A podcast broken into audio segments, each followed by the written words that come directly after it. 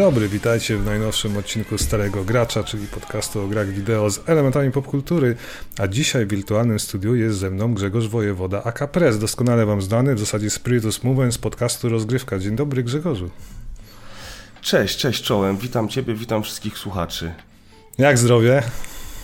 No właśnie tak jak słyszysz, y, średnio, dlatego nam się to nagrywanie przesunęło w czasie, ale w końcu się udało. Jestem trochę przeziębiony, więc przepraszam wszystkich za mój, e, że tak powiem, zapchany nos dzisiaj. No troszkę brzmisz inaczej, ale to nadal ty, więc to najważniejsze, że, że jednak udało się złapać i nagrać e, ten odcinek, e, więc ja się strasznie cieszę, bo nie wiem, czy pamiętasz, ale ostatni raz chyba nagrywaliśmy rok temu w sierpniu, to było tak dawno temu. Jeszcze z Tomkiem. Jeszcze z Tomkiem, tak. Tomka nie udało się dzisiaj ściągnąć, bo, bo, bo, bo jednak różnica czasowa powoduje problematyczne pewne aspekty tego wszystkiego, logistyczne, że tak się wyrażę. No dobra, dzisiaj przygotowaliśmy dla Was, drodzy słuchacze, dużo bardzo fajnych tematów. Będą oczywiście nostalgiczne powroty do przeszłości e, i to, tej odległej, i tej bliższej, a generalnie mam tu na myśli e, filmy animowane, animacje, które, no przynajmniej na których ja się wychowałem, a Grzegorz wiem, że tu zaciskał zęby i oglądał, nadrabiał niektóre rzeczy. Tak było było, nie? Znaczy, przypominałem sobie, wiesz, ja też za dzieciaka te rzeczy oglądałem. No wiem, wiem, wiem, się śmieję, że wiesz, Transformersów raczej nikt z nas nie oglądał na premierę w zasadzie. No to tak, to na pewno nie. To nawet nie było dostępne wtedy, tak szczerze mówiąc, w naszym smutnym kraju. E, tak, ale zanim do tego dojdziemy, czy naszego tematu głównego, jakim niewątpliwie są animacje naszych szczenięcych lat, że tak się wyrażę, no to trochę tematów bieżących, a między innymi gry wideo oczywiście, jakieś tam newsiki, które dla was odkopałem, które na pewno każdy już omówił, szczególnie wy w rozgrywce, zakładam, bo słuchałem rozgrywki jeszcze dzisiaj, szybko kończyłem odcinek. ostatnio, ostatnio tego dużo jest i często, ale to dobrze. E, staramy się, staramy. Doskonale. Właśnie, pozdrowienia dla ekipy całej z rozgrywki, bo to najważniejsze. Pozdrawiamy. Kaza, Razera, Deusza. No. E, no i oczywiście wszystkich innych Simplexy, bo Simplex w każdym odcinku u każdego musi się pojawić. Pozdro. Dzięki za kod do Red Matter. Ograłem w końcu, więcej opowiem może przy okazji e, kącika VR. E, czy mamy coś takich społeczności rzeczy? Ja może tak, wspomnę tylko, że nie będę nic mówił o PGA dzisiaj, bo powstał specjalny odcinek, który pewnie słuchaliście. Taka komitywa Simplex, Kadukowo, Rudy z tezem kwadratu i ja. Nie było sensu rozbijać tego na 3-4 oddzielne odcinki, bo chłopaki grali we wszystkie gry indyki. Ja się głównie szlajałem i uprawiałem tak zwany networking, jak zawsze zresztą. A, i, i najlepiej. Najlepiej moim zdaniem, po to są chyba te wszystkie imprezy, konwenty, prawda? A, i, a jak zebrać to wszystko do kupy, to każdy miał swoje spostrzeżenia i, i, i to można było zrobić jeden sensowny odcinek, więc mam nadzieję, że wam się podobało. A, równolegle do tego odcinka, który za chwilkę będziecie słuchać sobie spokojnie, publicznie w eterze, pojawi się odcinek specjalny, oczywiście M Kwadrat Podcast, w którym oczywiście mam okazję wziąć udział, ale będzie to nietypowy odcinek, będziemy rozmawiać z działem marketingu Star World Industries o grze Niezwyciężony, czyli The Invincible, który ma premierę już za chwilkę, bo 6 listopada na wszystkie platformy główne. Chyba na Switcha nie wychodzi, ale nie wiem, teraz nie, nie ryzykuję tego stwierdzenia do sprawdzenia i myślę, że to będzie ciekawy odcinek, bo ja chcę trochę o Lemie pogadać, o tym skąd w ogóle pomysł na adaptację akurat tej powieści, no bo no nie ma co ukrywać, nie wiem, że go czytałeś Lema dużo, czy w ogóle... Yy, Czytałem Lema trochę, wiesz, e, w liceum, że tak mhm. powiem. Daw, dawno już do niego nie wracałem, ale Niezwyciężony chyba będzie dobrym momentem, żeby sobie Lema przypomnieć przypomnieć. No właśnie, bo ja mam wrażenie, że to jest jedna z trudniejszych y, opowieści, historii do ekranizacji, no bo nie, egranizacji w zasadzie, bo ekranizacji też nie było. A, i, i, to jest jakby jedno z tych moich pytań, dlaczego akurat padło na ten, na ten tytuł, no bo ja bym zrobił opowieści pilota Pirksa, idąc tropem Wing Commandera i tych wszystkich rzeczy, które przeżyliśmy, prawda, e, tak na pierwszy rzut oka. Czy Solaris, który przecież był ekranizowany dwukrotnie albo trzykrotnie, już nie pamiętam. No, no tak, tak, ale zrobić z Solaris grę to też jest ciężki temat. Taki walking sim, nie? W zasadzie, zobacz, co można by dzisiaj zrobić fajnego. No tak, tak, no masz rację, no bo to jednak bez zdradzania o co chodzi w Solarisie, no to nawet dochodząc do finału, no to też jak to pokazać wszystko, nie? Tak naprawdę. Oczywiście. No, no ale ten niezwyciężony to też będzie trochę taki walking sim, prawda?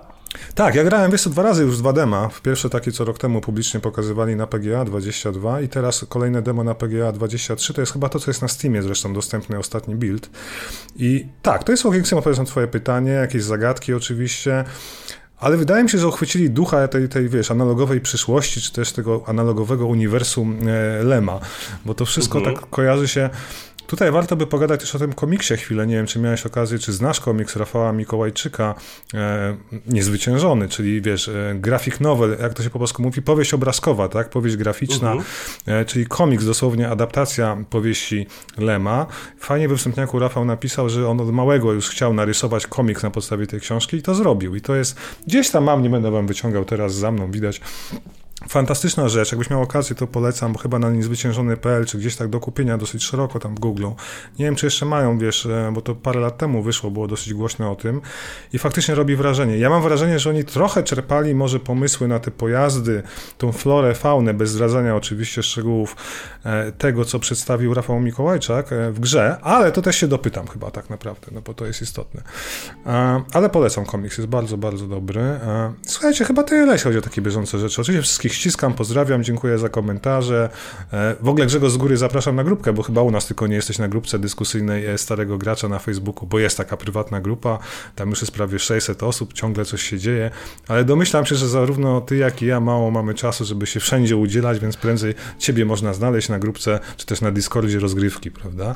No i to na znaczy, Facebooku. ja tak naprawdę jestem tylko na grupie facebookowej naszej rozgrywki i yy, w teorii jestem, ale praktycznie nie zaglądam na grupie M Kwadrat Podcast. Na pewno do ciebie również zajrzę, ale prawda jest taka, że jednak y, od socjali się troszeczkę odciąłem. tak. Wiesz co, przede wszystkim odciąłem się troszeczkę od socjali, też ze względu na czas. Staram się jakby nie spędzać za dużo czasu na Facebooku, skosowałem konto na Twitterze i jakby, wiesz, przy, przy, przy zarządzaniu rozgrywką, przy pilnowaniu strony, przy pilnowaniu naszych socjali, mhm. przy, przy ogrywaniu gier do recenzji, nagrywaniu podcastów i normalnej, dziennej pracy, to tak jak mówisz, oczywiście tego czasu jest niewiele po prostu, ale zajrzę, przywitam się na pewno. O, doskonale, miło to słyszeć. No tak, masz rację, no jednak robimy to ciągle hobbystycznie. Gdyby to była nasza praca, no to, to by było już inaczej, prawda, byśmy rozmawiali. Dokładnie. E, no dobrze, drogi Grzegorzu, to co? Chyba tyle, jeśli chodzi o takie rzeczy bieżące. Mm, czas może na sekcję gier. Ja wiem, że ty też ogrywasz pewien tytuł, który ja już skończyłem, możemy za chwilkę o nim pogadać, ale zanim do tego przejdziemy, bo mowa oczywiście o Assassin's Creed Mirage, to ja może dwa słowa o Spider-Manie drugim, który dosłownie parę dni temu wyszedł, miał swoją premierę. Oczywiście mówię o tej grze na PS5, czyli jeden z najlepszych AAA-ów, X-ów na PlayStation. Oczywiście od razu może mogę powiedzieć, że jest to jedna z najlepszych gier, w jaką grałem na PlayStation 5 do tej pory. No obok Milesa Moralesa, który też mniej więcej wyszedł w czasie premiery PS5, czy też na premierę PS5 dosłownie. No sam Spider-Man 2 jest tym, czym był Spider-Man i Miles Morales, tak? Czyli jak doskonale wiecie, wielki otwarty Nowy Jork, e, to fantastyczne bujanie się na linach, no fenomenalna adaptacja komiksu, tak? To albo się kupuje w całości takie jak jest, czyli albo love it, albo hate it, bo no jest to całkowicie infantylne, te dialogi są takie, że czasem uszy bolą, no ale takie są komiksy Marvela, no one są uniwersalne dla wszystkich i jeżeli to kupuje się w całości, to oczywiście nie macie co się martwić o historię, bo jest naprawdę niezła. E, oczywiście pojawiają się wszyscy złoczyńcy z uniwersum Spidermana, czy też chciałem powiedzieć Marvela, ale bardziej Spidermana, prawda? E, i, no i graficznie robi to kolosalne wrażenie. Ja dawno nie widziałem tak dobrze zrobionej gry na PlayStation, gdzie jednak mamy ray tracing, 60 klatek, co można powiedzieć da się, jak widać. Przy takiej, takiej... A jest duży skok jeżeli chodzi o jakość oprawy graficznej względem oryginalnego Spidermana czy też Milesa Moralesa? Bo był jeszcze remaster, warto wspomnieć, Spidermana na PS5, prawda?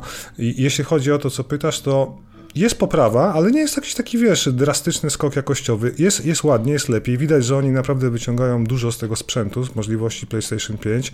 No powiem Ci, dawno nie widziałem tak ładnej gry w 60 klatkach, śmigającej z ray tracingiem, ze wszystkimi bajerami, gdzie masz duży ruch samochodowy, masę ludzi na ulicach. Oczywiście z daleka tego tak nie widać, ale jak spadniesz na ulicę, to to wszystko jest takie namacalne. To, jest, to wygląda lepiej niż, nie wiem, Cyberpunk ostatni, Phantom Liberty, jeśli wiesz o co mi no chodzi. Proszę. Bo ja we wrześniu miałem taki dysonans poznawczy, że grałem w Starfielda długo, nagle nagle włączyłem Phantom Liberty i się złapałem za głowę, że gry mogą wyglądać nowocześnie i ładnie, prawda? A, a Spider-Man oczywiście wygląda 100 razy, może nie 100 razy, przesadzam, ale kilkukrotnie razy lepiej. I nie chcę za dużo o tej grze gadać, bo nie ma sensu. Ja dopiero zacząłem, nie wiem, 15 godzin czy tam 10 godzin za mną, więc tak no to całkiem sporo. Możesz już parę słów powiedzieć. Jak walka? Super. Walka, no jeszcze w jedynce i w Milesie Moralesie ten system kombosów, e, był niesamowity, ale tu jest jeszcze więcej rzeczy. Ja ci powiem szczerze, w pewnym momencie się trochę pogubiłem, bo masz obłożone wszystkie guziki z gadżetami jeszcze na padzie, czyli nie dość, że walczysz normalnie korzystając z guzików akcji na padzie PlayStation, to jeszcze wciskając uh-huh. L1 i R1 masz do wyboru gadżety z lewej strony pada i z prawej strony pada. I w pewnym momencie, nie wiem, może to już kwestia wieku, boomerstwo, ale masz takie, że za chwilę się zawieszasz, ale co tu użyć? Tego, tego, tego, tego i wiesz, zamiast skupić się na walce, zastanawiasz się, co zrobić. Potem to przychodzi w miarę automatycznie, ale no jest nie chcę powiedzieć, skomplikowana, jest bardzo przyjemna, okay. trzeba się trochę pouczyć, szczególnie na początku ilość tego, ile oni tam ci wrzucają jakieś informacji, wiesz, te pierwsze 2-3 godziny to jest jeden wielki tutorial, który się trochę ciągnie i tutaj mam zastrzeżenia, jeśli chodzi o to tempo rozgrywki, że to nie jest tak, że oni się od razu wrzucają na, wiesz, wielki, otwarty świat, rób co chcesz, tylko masz dosyć korytarzowo, tutorialowo poprowadzony kawałek fabuły, wątki, żeby się nauczyć w to grać, ale potem to jest coś, powiem Ci, niesamowitego. No i najważniejsze, że dodali w końcu możliwość szybowania.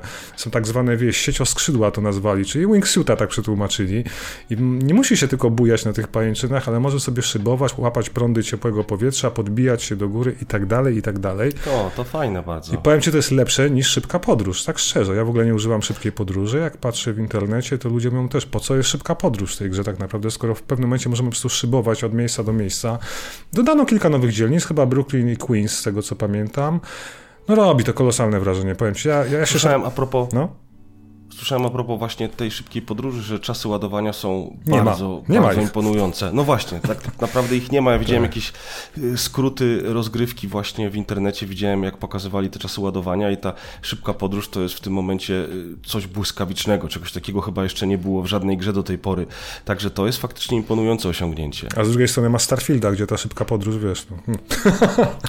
no nie, wiesz, nie wspominajmy Starfielda tutaj, bo, bo, bo po prostu nie ma czego nawet porównywać E, względem współczesnych produkcji, a tego, co się dzieje z loadingami w Starfieldzie. No ale to już chyba wszyscy przedyskutowali e, Masz rację, na tyle różnych sposobów, tak. że... Ja tylko zacytuję, zacytuję, nie ma do tego wracać. Zacytuję Bartka Drozdowskiego, mojego dobrego przyjaciela, który też często się pojawia, ściskamy, który wczoraj powiedział, bo nagrywaliśmy, aha, super, że on się pożygał przy Starfieldzie. Cokolwiek to znaczy, ale możecie się domyślać sobie.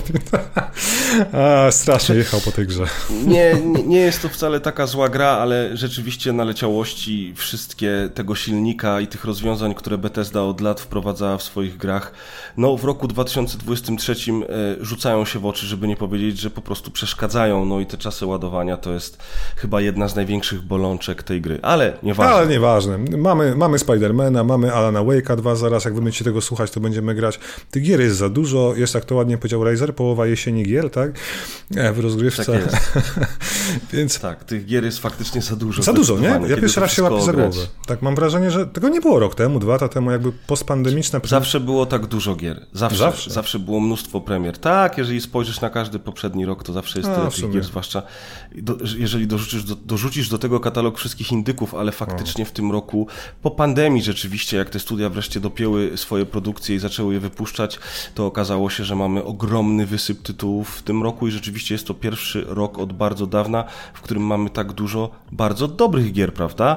Baldur's Gate 3 chociażby, tak, yy, nowa Zelda, nowe Mario o. i te wszystkie gry mają naprawdę wysokie oceny, ten Spider-Man 2 również, także jest w czym wybierać. No nawet dzisiaj jest premiera Ghost Runner 2, jak nagrywamy, który chętnie ogram. Za chwilę Niezwyciężony wspomniany, potem Flashback 2, na który czekam już 35 lat i się doczekałem, no.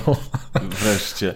No i ja najbardziej w tym roku tak naprawdę czekam i to może być dla niektórych zaskoczenie, to no. jest dla mnie największa premiera tego roku, e, już niedługo, bo 3 listopada wychodzi WRC od Electronic Arts, robione prze, przez Codemasters, prawda? Czyli, Czyli od Grida, tak? Toki, Grid, Toki. Tak. Y, no i przede wszystkim od Colin McRae, czy też mhm. od Dirt Rally. No i właśnie, ponieważ y, licencja WRC przeszła do Electronic Arts, to Codemasters y, przeszło od robienia Dirt Rally 3.0 do, do właśnie tego licencjonowanego WRC i to będą prawdopodobnie jedne z najlepszych rajdów ostatnich lat, żeby nie powiedzieć ostatniej dekady. Co prawda to wynika tylko i wyłącznie z zapowiedzi, a jak będzie naprawdę okaże się na premierę, ale ja bardzo, bardzo liczę na ten tytuł. No i Codemasters tak naprawdę rzadko kiedy zawodzi, jeżeli chodzi o samochodówki, więc mhm. dla mnie najważniejsza premiera e, tej jesieni to jest WRC. No, ty jesteś jednak samochodziarzem, to dla ciebie to jest ważne, nie? E, znaczy samochodziarzem growym, to tak, tak, tak, tak. zwłaszcza, zwłaszcza jeżeli chodzi o rajdówki, to, to jest to taki gatunek, który ja bardzo sobie cenię i lubię spędzać z nim czas. Ale ty grałeś chyba też w Forza, czy nie, tą najnowszą? Grałem, grałem Widziałem, recenzowałem ją nawet no ostatnio no na, na podcaście na rozgrywka naszym.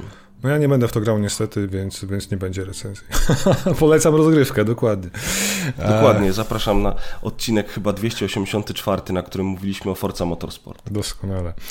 No słuchaj, to chyba tyle o Spider-Manie, ja na pewno wrócę do tego z jakąś taką większą opowieścią o tej grze, co mi się podobało, a co mi się nie podobało, bo zawsze jakaś łyżka dziegciu w tej beczce miodu się znajdzie. Ale może pogadajmy o nowym Asasynie, co ty na to?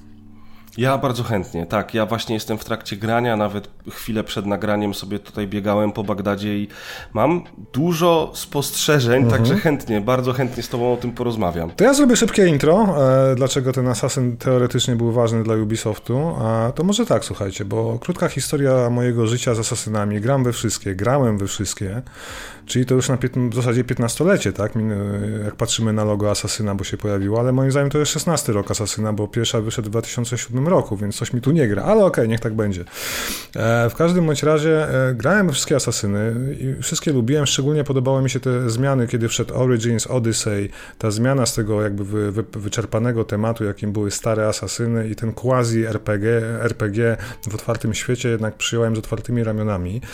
Natomiast miałem problem z Valhalla, odbiłem się od Valhalla. Dla mnie to była gra za duża, szczególnie gdy ja skończyłem Originsa i Odyseję. Odyseja mi pochłonęła ze 100 godzin. Kiedy pojawiła się Valhalla, no to po 20 godzinach stwierdziłem, że to nie ma sensu. Ale wiem, Grzegorz, że ty skończyłeś Valhalla, bo słuchałem parę razy z dodatkami i z innymi bajerami chyba, nie?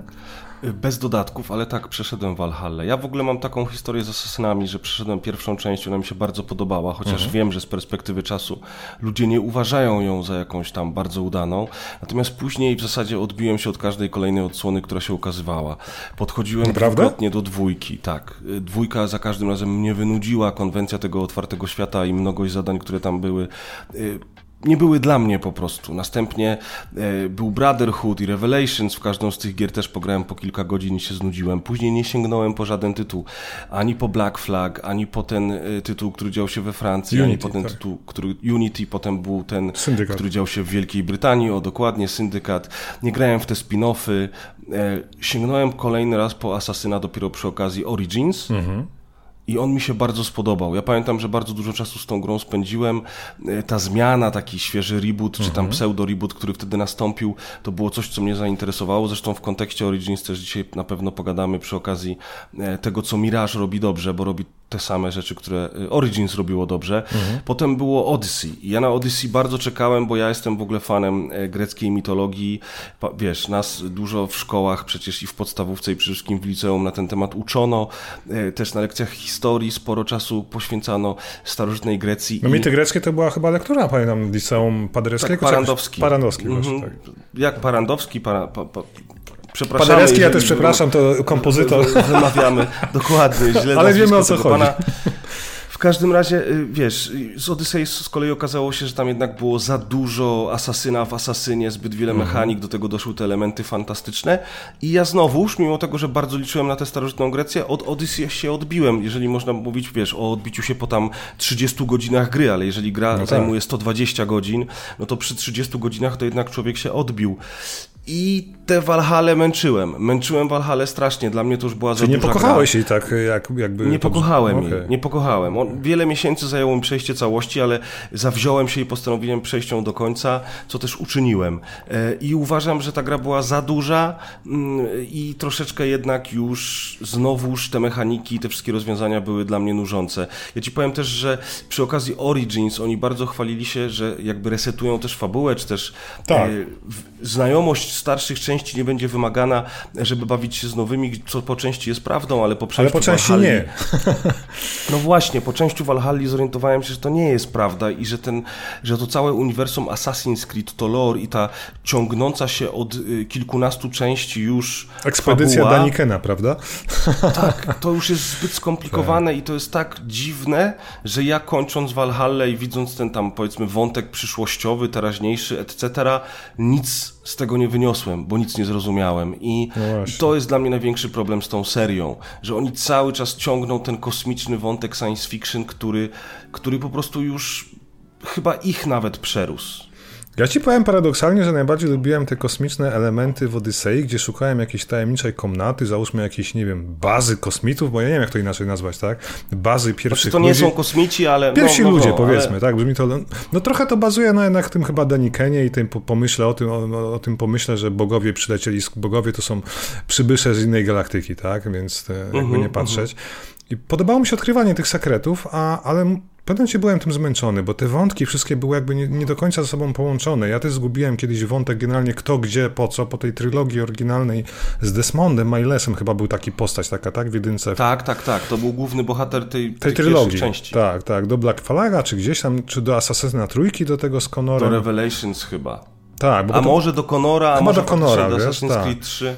O właśnie, a propos trójki, to trochę grałem w remaster i nawet mi się podobał, ale niestety też znudziłem się po paru godzinach. Wiesz co, bo tam dla mnie problem był taki, że Indianin skaczący po drzewach to niekoniecznie asasyn i parkour po budynkach, wiesz, i to mi nie grało zupełnie, nie? W kolonijnej e, Ameryce Stanów Zjednoczonych. Może jeszcze nie Zjednoczonych, ale, ale wiemy o co chodzi.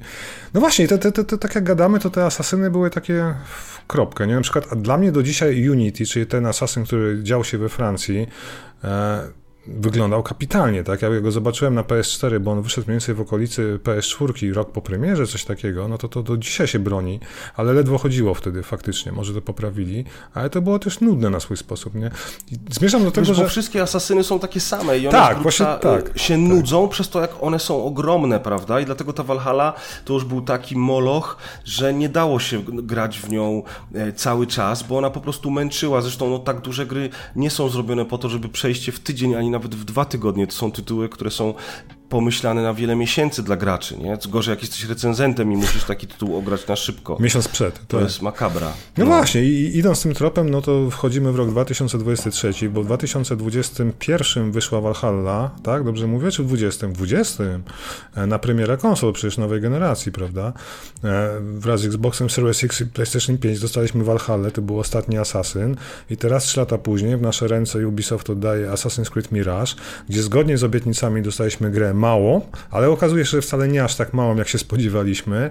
Grę, która będzie się skupiała głównie na powrocie do korzeni, czyli będziemy tytułowym asasynem, który nareszcie nie będzie musiał levelować swojej postaci, żeby móc zabić ze swojego ukrytego ostrza przeciwnika. Co było moim największym zarzutem do tych ostatnich części, że będąc asasynem ja nie mogę nikogo zabić, no bo przeciwnik ma, nie wiem, level 20, ja mam 10 i tyle. Ja się od niego odbijam, prawda? I to mi trochę zgrzytało, jakby tak w ogóle patrząc z boku na to. Więc to mnie strasznie ucieszyło, że to taki będzie. Myślałem, że będzie bardziej taki hitman, wiesz o co mi chodzi, że, tak. że, że, że wrócę do tego właśnie bycia tym asasynem w tłumie, e, szukania celów, zabijania, uciekania, czy też znikania.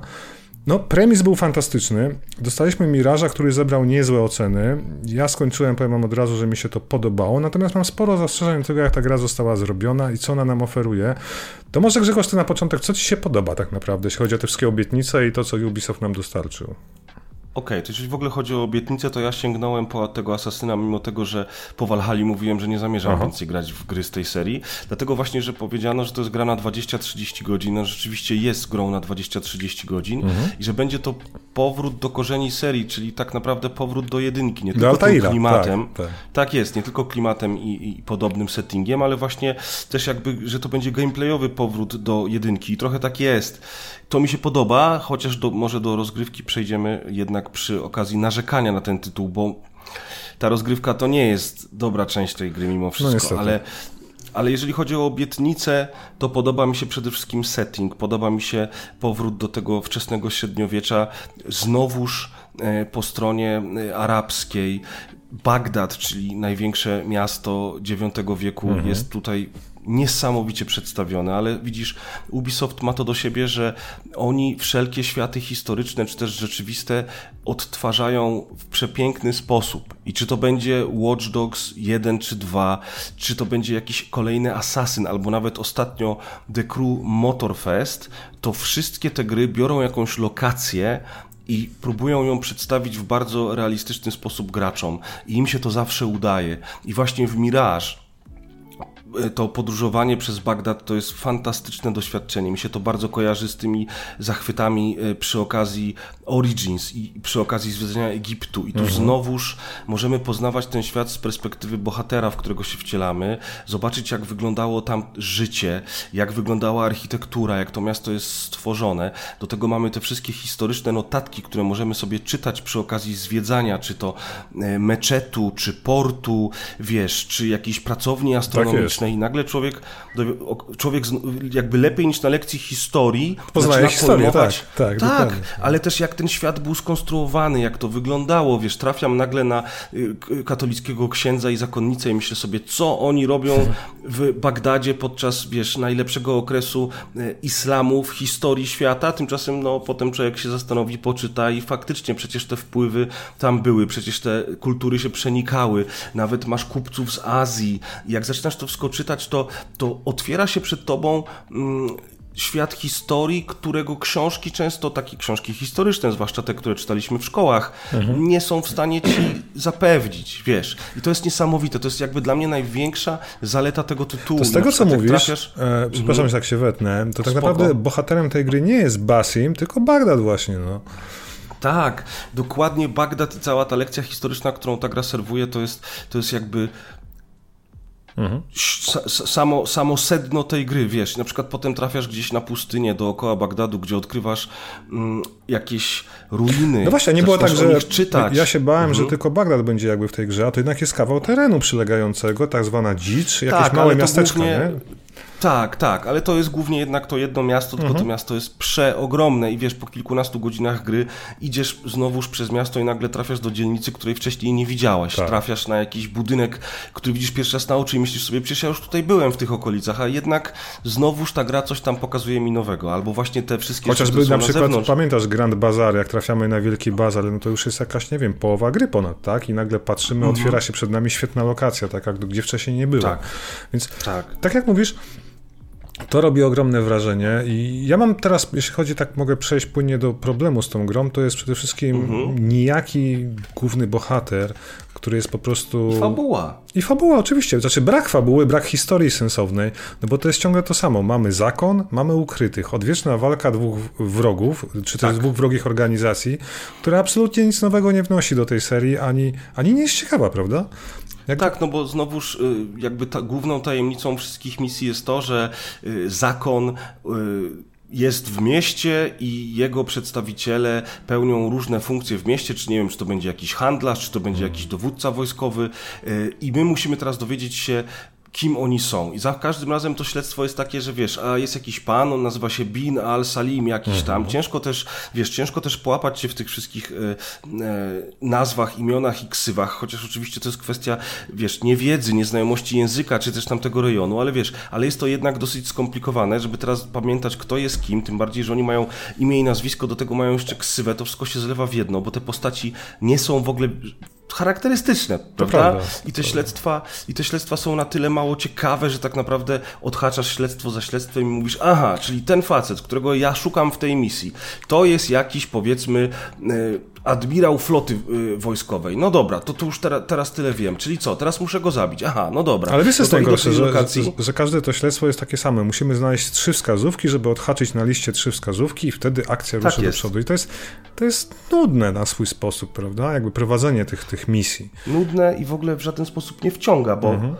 Tam nie ma takiego jakiegoś konkretnego motywu przewodniego, który by nas prowadził do przodu, który nas zachęcałby do tego, żebyśmy tę fabułę chcieli odkrywać dalej. Po prostu wiemy, że są kolejne cele, które my musimy najpierw odkryć, a potem zlikwidować. Jeśli to wiesz, czym kojarzy? Trochę z kartelami w Meksyku. Mamy kartel, który musimy rozwalić, e, e, znajdując ich członków, a najlepiej oficerów i władców.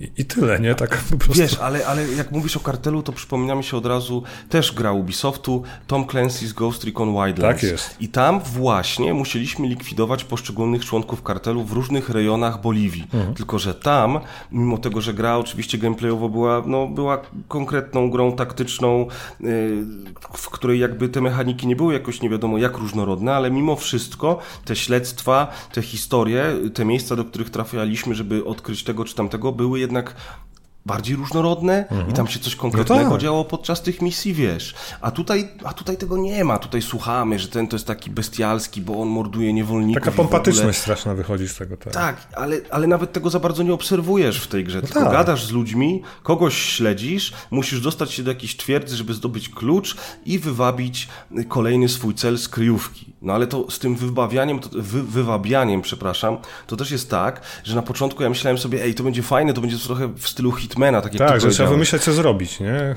Tak, Że właśnie, że trzeba wymyślić, co zrobić. I szybko okazuje się, że tak naprawdę wcale się za dużo nie wymyśla, co zrobić. dokładnie. I to jest problem tej gry, że ona gdzieś tam na początku sugeruje, że ej, będziemy teraz trochę bawili się w Hitmana, tylko że jak porównasz to, co możesz zrobić w Hitmanie podczas misji, a to, co możesz zrobić w Mirage, Ale no właśnie, to, to, to, ogóle to co nie mówisz, ma porównania. Zwróć uwagę, że w Hitmanie jesteśmy zdani na siebie, chodzimy, obserwujemy i badamy jakieś zależności, a tutaj mamy ptaka drona, który od razu jak go wypuścimy, zaznaczy nam wszystkie specjalne akcje albo interesujące miejsca. Tu nawet nie ma czasu na domysły i zastanowienie się, gdzie pójść, co zrobić, bo wszystko mamy podane na talerzu.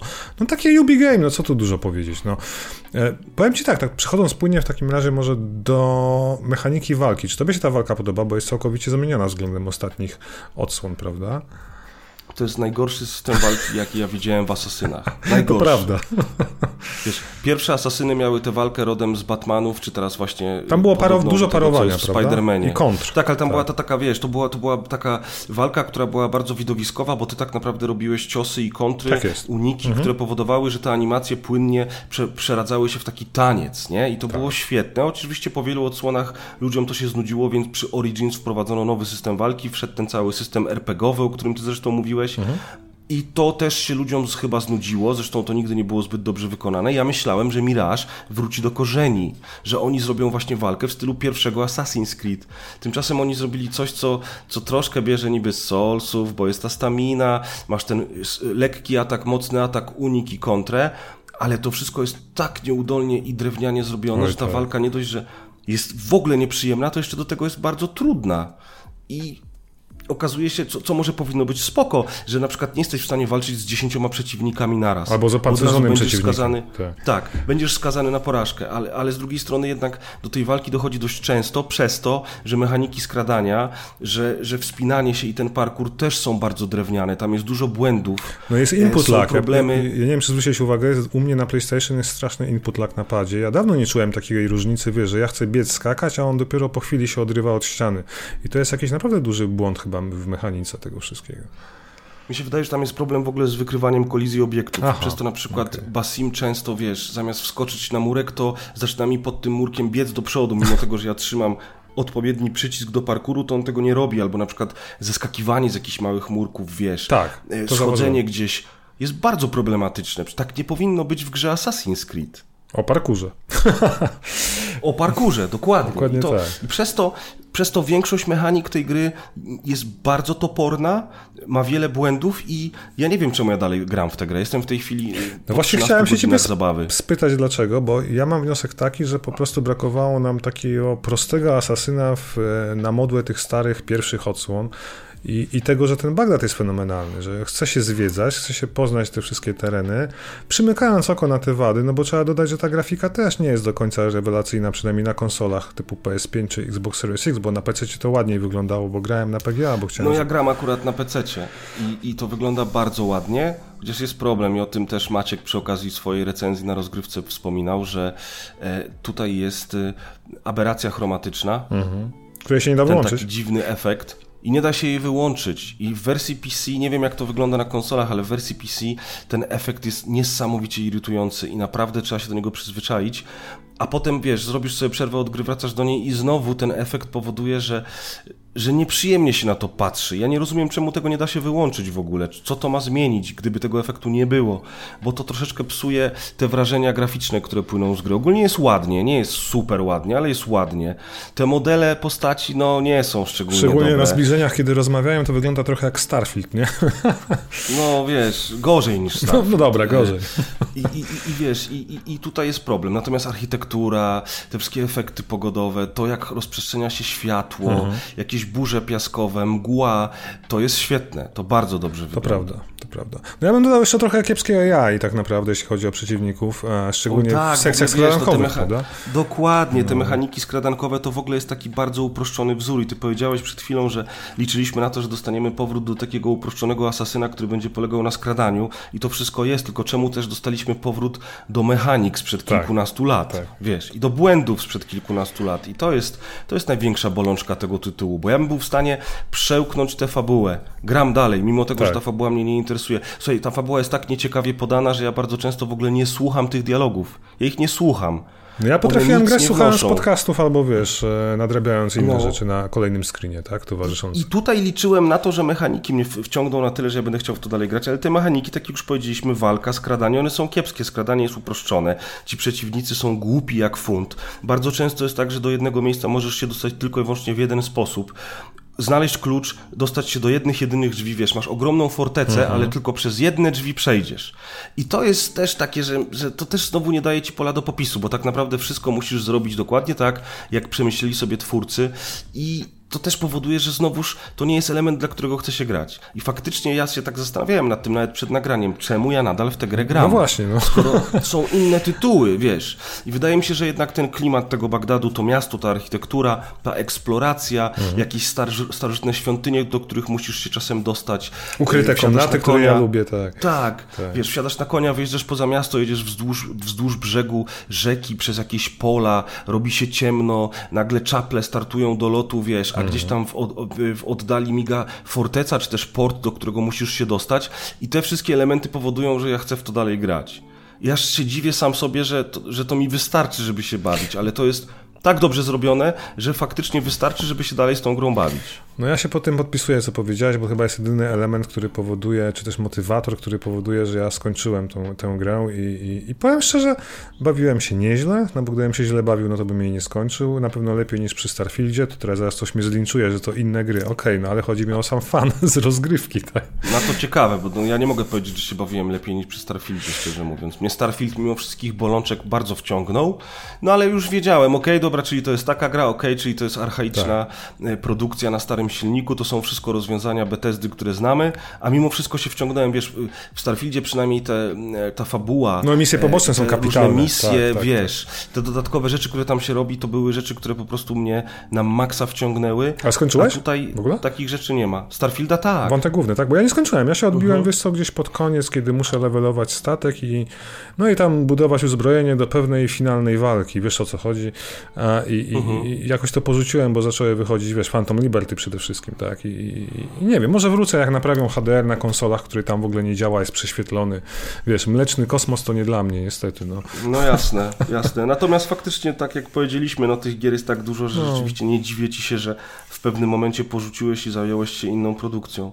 No ale tak, ten Assassin, powiem ci, wiesz co, ja zazwyczaj tak nie mówię, staram się tak nie mówić, bo uważam, że, że, że jednak w takie gry trzeba zainwestować mnóstwo pracy, że ci ludzie, którzy je otworzą, to są zdolni ludzie, którzy spędzają, wiesz, lata nad produkcją mhm. takiego tytułu.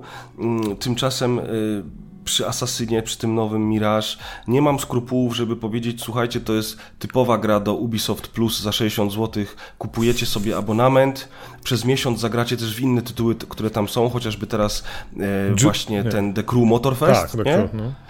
e, I, i w tak wtedy można zagrać w Asasyna, ale jak miał powiedzieć, ok, teraz wydajcie pełną full price cenę, kupcie sobie to na konsolę czy na PC, żeby grać w tę grę, to bym powiedział, no nie, absolutnie nie, poczekajcie na zniżkę albo grajcie w abonamencie, bo to nie jest po prostu tak dobra gra, mimo tego, że jednak ma swoje uroki. Dokładnie tak, nic dodać, nic ująć w takim razie, to ja to się pod tym podpisuję i, i ale warto zagrać, warto mieć z tyłu głowy, tak jak mówi Grzegorz, będzie taniej, warto przetestować. No i możemy kropkę postawić chyba nad tym, co? Mhm. Słuchaj, ja muszę cię pomęczyć o pewien temat, który dla mnie jest trochę obcy, bo ja nigdy nie miałem peceta i zawsze o tym mówię, że nie mam peceta od 100 lat. Jestem starym konsolowcem, ale słuchajcie, w końcu kupiłem Steam Decka, ale tylko dlatego, że kolega go sprzedawał, mi go oddał, nawet nie musiałem płacić za niego. W sensie kiedyś mu zapłacę, ale jakieś śmieszne grosze za niego zapłaciłem, więc stwierdziłem, że jak ma iść do obcej osoby, to go wezmę, bo przyda mi się jako pilot tak zwany do oczywiście Steama. No a dlaczego o tym mówię? Ano dlatego, że w końcu będę mógł wrócić do moich ukochanych FPS-ów, na których się wychowałem pewnie jak wielu ludzi w latach 90., a potem je porzuciłem, no bo poszedłem w konsolę, a de facto gatunek na konsolach dopiero w zasadzie jak Halo wyszło, zaczął się Red Faction na PlayStation 2, to zaczął jako Nimrawo jakoś tam się pojawiać i dopiero później stał się normalnym gatunkiem, który jest dostępny dzisiaj na wszystkich konsolach, ale zmierzam do tego, że wszystkie indyki, wszystkie retro boomer shootery, bo do tego zmierzam, które powstają jak grzyby po deszczu, no to tak naprawdę pojawiają się tylko na Steamie, na PC-tach e, i tym podobnych rozwiązaniach i ja do tego dostępu nie miałem do tej pory, więc od razu Grzegorz pytanie do ciebie, jak dużo jest fajnych boomer shooterów? Ja wiem, że to jest dziwne pytanie, bo tu by trzeba odesłać wszystkich chyba do odcinka e, i rozgrywki, dokładki o boomer shooterach, prawda? Mhm. I do M kwadratu, gdzie też kiedyś z Simplexem chyba rok temu nagraliście odcinek właśnie o FPS-ach. To, tak. to była bardziej historia, tak? E, historia FPS. Zrobiliśmy taki, zrobiliśmy mhm. taki crossover. Najpierw zrobiliśmy odcinek specjalny na M kwadracie właśnie z Simplexem jeszcze z Patrolem, gdzie mówiliśmy o historii właśnie FPS-ów, retro shooterów i o takich tytułach starszych, w które grywaliśmy za dzieciaka i do których lubimy wracać. A w tym roku wypuściliśmy z kolei jako dokładkę na podcaście moim y, właśnie odcinek specjalny też z Simplexem i też z Patrolem o tych współczesnych boomer shooterach, które już wyszły, są w early accessie albo wychodzą właśnie i, i w które warto zagrać. I faktycznie jest tego od groma. Ten gatunek przeżywa teraz swój drugi renesans. czyli dobrze jest... zrobiłem, że kupiłem Steam Decka. Bardzo żeby... dobrze okay. zrobiłeś, chociaż z drugiej strony, wiesz, ty mówisz o Steam Decku, czyli będziesz tak naprawdę grał e, w te gry na padzie, a nie na klawiaturze i myszce. Ale mówią, że warto nauczyć się grać na tych touchpadach, które emulują trochę ruch myszki i tego, wiesz. O, nie wiem, czy by mi się chciało tak bawić. No dobra, podłączę, no ale okay, no. Podłączę myszkę, klawiaturę i monitor do tego i będzie super, nie? No i super. Jeżeli tak można, okay. to jak najbardziej. Oczywiście większość tych produkcji, tych współczesnie powstających boomer shooterów obsługuje pada i obsługuje go bardzo dobrze, więc jakby no... No i pewnie Steam Deck Compatible zakładam, nie? Dzisiaj, no to... Tak, tak, dużo okay. tych tytułów jest. No jest kilka, jest kilka naprawdę wartych uwag. No bo ja wiesz, ja, ja, ja, ja na konsolach grałem tylko mhm. w te rzeczy takie słynne, jak Prodeus, jak Bolt Gun ostatnio, jak, nie wiem, Ion Fury, tak? E, I właśnie takich rzeczy mi brakuje strasznie i to jest chyba ten... Ion Fury wyszło na konsolę? Tak, już dawno. Chyba rok temu grałem na Switchu, czy na. Nie pamiętam na czym ja grałem. Czy na Xboxie, no nie pamiętam. A, bo teraz wiesz, wy, tak naprawdę... druga część, prawda? Mhm. Wychodzi teraz, tak? Phantom Fury. Y, wyszedł teraz dodatek do Ion Fury, który nazywa się Aftershock. Ja właśnie jestem okay. w trakcie grania w niego. On też jest wart uwagi, więc jeżeli ktoś grał w Ion Fury, to może zainteresować się tym dodatkiem powstaje sequel Phantom Fury. Niedawno przy okazji y, festiwalu Realms Deep, które prowadzi co roku 3D Realms, no na którym pokazuje się te nowe gry z gatunków boomer shooterów, ale nie tylko. Y, pokazywano ten Phantom Fury, ale też opublikowano demo Phantom Fury. I tutaj niestety cię zawiodę, bo, bo póki co to demo, no niestety, przykro mi bardzo, wszyscy na to bardzo czekają. Okazało się po demie, że póki co technicznie ta gra jest bardzo kiepska, ale to jest demo i wiesz, na razie na horyzoncie nie widać jeszcze pełnej wersji, więc poczekamy. Więc to Phantom Fury to gdzieś tam na przyszłość, okay. ale dużo też nowych gier, które było długo w tym. Długo w Early Accessie będzie miało na początku przyszłego roku wreszcie pełne, pełne wersje, czyli premiery takie wersji 1.0, mhm. chociażby Graven, o. który ja bardzo wszystkim polecam. To nie jest typowy boomer shooter, jemu jest trochę bliżej do, do jakiegoś tam Hexena o. i nie tylko. Bardzo dobra gra, Y, na początku roku będzie pełna wersja. Wychodzi też wreszcie Wrath Aeon of Fury, o. które też było w tym limbo early accessowym bardzo długi czas, a wreszcie pojawi się w pełnej wersji w przyszłym roku, więc to są, to są naprawdę to są naprawdę tytuły, Mówiłeś, że twoja ostatnia perełka to Turbo Over, Overkill chyba, tak? Tak, Turbo Overkill miało premierę niedawno, możecie już zagrać w to w pełnej wersji, na razie tylko na PC, to jest najlepszy boomer shooter ostatnich lat. Jeżeli, hmm. jeżeli nie w ogóle jeden z najlepszych boomer shooterów w ogóle, to jest, to jest ta sama półka, co chociażby Prodeus, o którym wspomniałeś o. już. Czyli naprawdę, naprawdę dobra gra. Turbo Overkill to jest pozycja obowiązkowa dla ciebie, a, a, również dla twoich słuchaczy, naprawdę to polecam. I drugi tytuł, o którym już wspomniałeś zresztą, czyli Warhammer 4000 Bolt Gun, też gra z tego roku, też rewelacyjny boomer shooter. Na wszystkich systemach Naprawdę dobra gra. Tak, naprawdę tak. dobra Cudowna. gra. Przy okazji polskie Hyper Strange jakiś czas temu wypuściło Postal Brain Damaged mhm. i niedługo ta gra pojawi się na PlayStation 4 i PlayStation 5. O. To też jest dobry boomer shooter. Jeżeli nie grałeś, a masz Steam Decka i masz PlayStation 5, to zainteresuj się tym tytułem, bo on naprawdę też jest całkiem porządny. Więc tych gier jest całkiem sporo, jeżeli chodzi o tego typu produkcje. Czyli rozumiem, że muszę teraz skoczyć sobie później na internet, zobaczyć jakieś wszystkie polecane retro boomer shootery, przesłuchać jeszcze raz rozgrywki pod kątem e, tego, w co będę grał w niedalekiej przyszłości i będę miał pełną listę. No dobra. Tak jest. Super. Ja tylko jeszcze polecę, bo a propos tego Realms Deep, ogrywałem kilka wersji demo e, i polecę wam wszystkim na Steamie demo gry, która nazywa się Wizardum. I to jest y, gra wydawana przez Apogee, które również wróciło o, do biznesu. Naprawdę? To jest bardzo, tak, to jest bardzo prosta, y, przyjemna y, urokliwa gra FPS, w której gram jako taki mag i strzelamy czarami do różnych orków i goblinów. Całkiem przyjemna produkcja.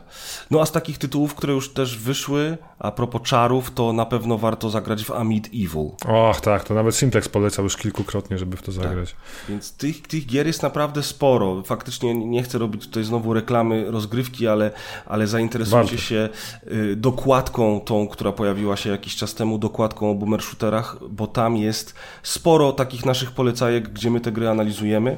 I jeszcze tobie powiem, e, mój drogi, mhm. zainteresuj się też znowu polski tytuł, kolejny Projekt Warlock. shooter. E, projekt Warlock tak, ale to już wiesz, okay. więc w sumie rozmawialiśmy przed nagraniem, więc nie chciałem mówić o Projekt Warlock. Ciekawostka przy Projekt Warlock 2 pomaga John Romero. O! Więc no, obserwujcie. A dzisiaj padnie to nazwisko. 2. Tak jest. Padnie. Ale Forgive Me Father. O, faktycznie. Rewelacyjna gra, zwłaszcza... Tak jest, zwłaszcza dla fanów Lovecrafta. Czekaj, dwójeczka. Forgive Me Father Dokładnie doczekało się już sequela, który wyszedł właśnie w wersji Early Access, a później cudownie. pojawi się w pełnej wersji. Także jest strasznie dużo tych gier, słuchajcie. Moglibyśmy o tym gadać przez kolejne dwie godziny. Ale po to jest podcast rozgrywka i dokładka rozgrywki. Tak, tak jest. Także, także Okej, okay, super. To ja na pewno wrócę do ciebie jeszcze pewnie z prywatą, że to tam na, na, na, pierwszym rzucie sobie na Steam Decku wrzucić i, i, tak dalej, ale to już na poza anteniu w przyszłości. Jasne, jasne. To dzięki za input. E, słuchaj, no to może krótki segment newsów, e, który ja zawsze traktuję jako rzecz, jak wiecie, drodzy słuchacze, która najmniej mnie interesuje, ale mówię to dlatego, mm. że no każdy generalnie w każdym podcaście mówi mniej więcej o tym, co się dzieje w branży. Ja staram się wybrać takie ploteczki, które wiem, że są istotne, a może gdzieś, znaczy pewnie też jest słyszeliście wszędzie, ale staram się tak, e, z mojego punktu widzenia konsolowca, może tak, żeby było istotne. Więc i lubię ploteczki, więc od razu wyjeżdżam tutaj z Tomem Hendersonem, który powiedział, że według niego PS5 Pro w 2024 na jesieni będzie miało premierę. I to jest w sumie fajna plotka, bo mówi o tym, że może lepiej nie kupować PS5 Slim, którą właśnie Sony zaprezentowało, bo Moim zdaniem to jest jakiś chybiony projekt, który Słuchajcie, no w dobie procesorów projektowanych w, w technologii 3 nanomilimetrów, no to dostajemy konsolę, która jest niewiele mniejsza od PS5 tej klasycznej. No mówią, że o 30%, tak, ale to nadal jest kawał konsoli, kawał sprzętu, który, jeżeli ktoś nie widział PS5 na żywo, to uprzedzam, to jest jak kawał szafki z Ikei jakiejś takiej małej, wiecie, która musi stać na hmm. podłodze, bo ona się nie mieści nigdzie tak naprawdę, szczególnie w pionie, nie? I, u mnie stoi za telewizorem. No u mnie z boku szafki, bo akurat tam, wiesz, z ikeowską szafką idealnie na 40 cm głębokości jest, więc super, nie? Ale zmierzam, słuchajcie, do tego, że ja nie rozumiem polityki cenowej Sony. Znaczy ja od dawna nie rozumiem Sony, PlayStation e, i ich polityki, ale słuchajcie, jeżeli wersja z napędem ma kosztować 550 euro, co nam daje jakieś 2,5 tysiąca złotych, mówię o wersji Slim, to my za 200 czy za 2200 dzisiaj możemy kupić normalną PS5, która dalej jest w sklepie dostępna od ręki. I, chciałem tu coś brzydkiego powiedzieć, powiem że it makes no fucking sense, tak? E, że, że jakby tego Grzegorz nie rozumiem. Gdzie tu jest slim, gdzie tu mniejsza cena? No jest drożej i jest troszeczkę mniejsza, nie? Gabarytowo. Ja też tego zupełnie nie rozumiem, szczerze mówiąc, nawet nie śledziłem. I nóżkę musisz kupić za 30 konsol. euro, nie?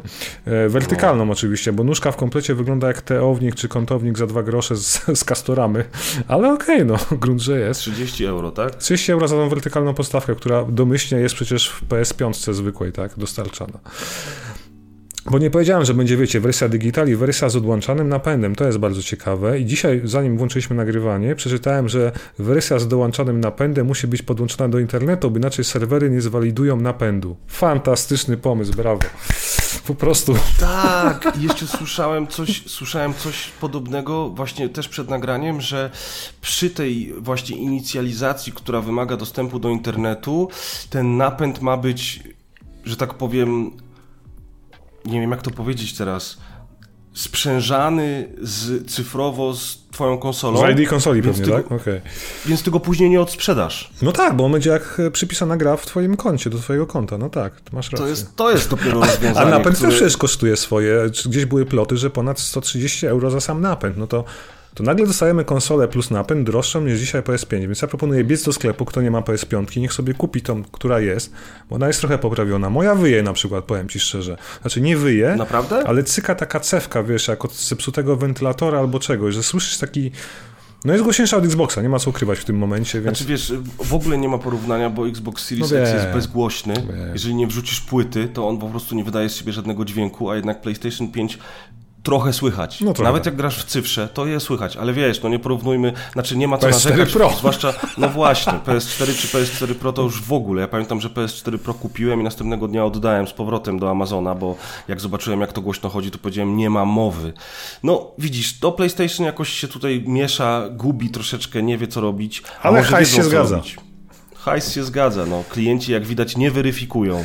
To prawda. Dodałem jeszcze, że odpalają chmurę, czy też już odpalili 23 października w Europie chmurę, czyli opcję grania na PlayStation 5 streamingu. To chyba fajne będzie dla ciebie, bo ty korzystasz często z telefonu grając na konsolach, prawda? Bo ty masz tego Razera Kishi.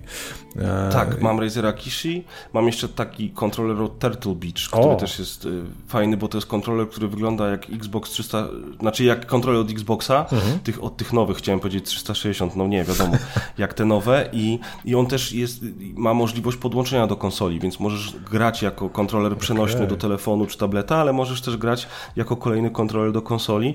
Także tak, trochę korzystam, natomiast ja nie wiem, czy, to, czy ten streaming na PlayStation nie będzie tylko dla tego ich nowego urządzenia do streamowania. On też no nie, będzie dla komórek? Właśnie jest dostępny chyba dla wszystkich, tylko dla posiadaczy PS Plus Premium, tak sobie wyczytałem przynajmniej. No. Okay. Jest to dla ciebie idealne rozwiązanie w tym momencie, nie? O ile ja mam trochę z tym problem, że jak jestem w domu czy gdzieś, to absolutnie nie chcę mi się nawet grać na tych streamingach chmurze, więc wiesz, nawet jak gdzieś wyjadę... Ja w domu też tego nie używam. No nie, domyślam się, ja mówię, że często domyślnie, że jak gdzieś wyjadę, to wiesz co robię, biorę iPada czy jakiegoś, nie wiem, Maca, bo siedzę w tym ekosystemie i sobie tam streamuję, ale szczerze, wiesz co, jak wyjadę, to czytam książki, tak naprawdę. Nie chce mi się grać, no. No może teraz w boomer shootery, jak gadaliśmy, to będę grał, ale, ale jakoś tak mam, nie? No że... No mam nadzieję, mam nadzieję, bo czeka na ciebie naprawdę dużo dobrych tytułów. No w końcu.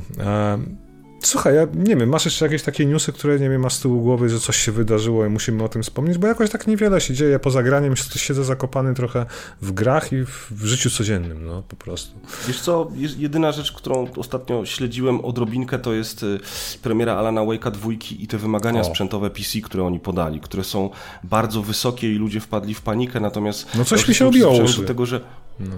Jestem przyzwyczajony do tego, że te wymagania sprzętowe wersji PC często są zawyżone. Jest oczywiście dyskusja o tym, że coraz więcej produkcji, chociażby e, Revenant Remnant, przepraszam, Remnant 2, czy teraz ten Alan Wake 2 mają wymagać DLSS-a, czy też sugeruje się, że ten DLSS to jest funkcja, bez której w grę nie da się płynnie grać. I to rzeczywiście z jednej strony jest problematyczne, z drugiej strony ta technologia, czy ten też FSR od e, AMD, to są rzeczy, które stają się chyba codziennością i wydaje mi się, że walka z tym nie ma sensu, bo coraz więcej deweloperów będzie opierać się na tych systemach, żeby, żeby wprowadzać jak najbardziej zaawansowaną grafikę, a jednocześnie, e, żeby te gry były w stanie płynnie płynnie chodzić, zwłaszcza z tym, że cały czas forsuje się wszędzie ten ray tracing, prawda? Swoją drogą do no tego, i... co mówisz, ci tak wejdę słowo. Dzisiaj gdzieś czytałem, że Nvidia i AMD chcą działać z Applem przy ARM-ach i to może być całkiem ciekawy wyznacznik tego, co może Maki, iPhony i reszta sprzętów Apple też zaproponuje w gamingu.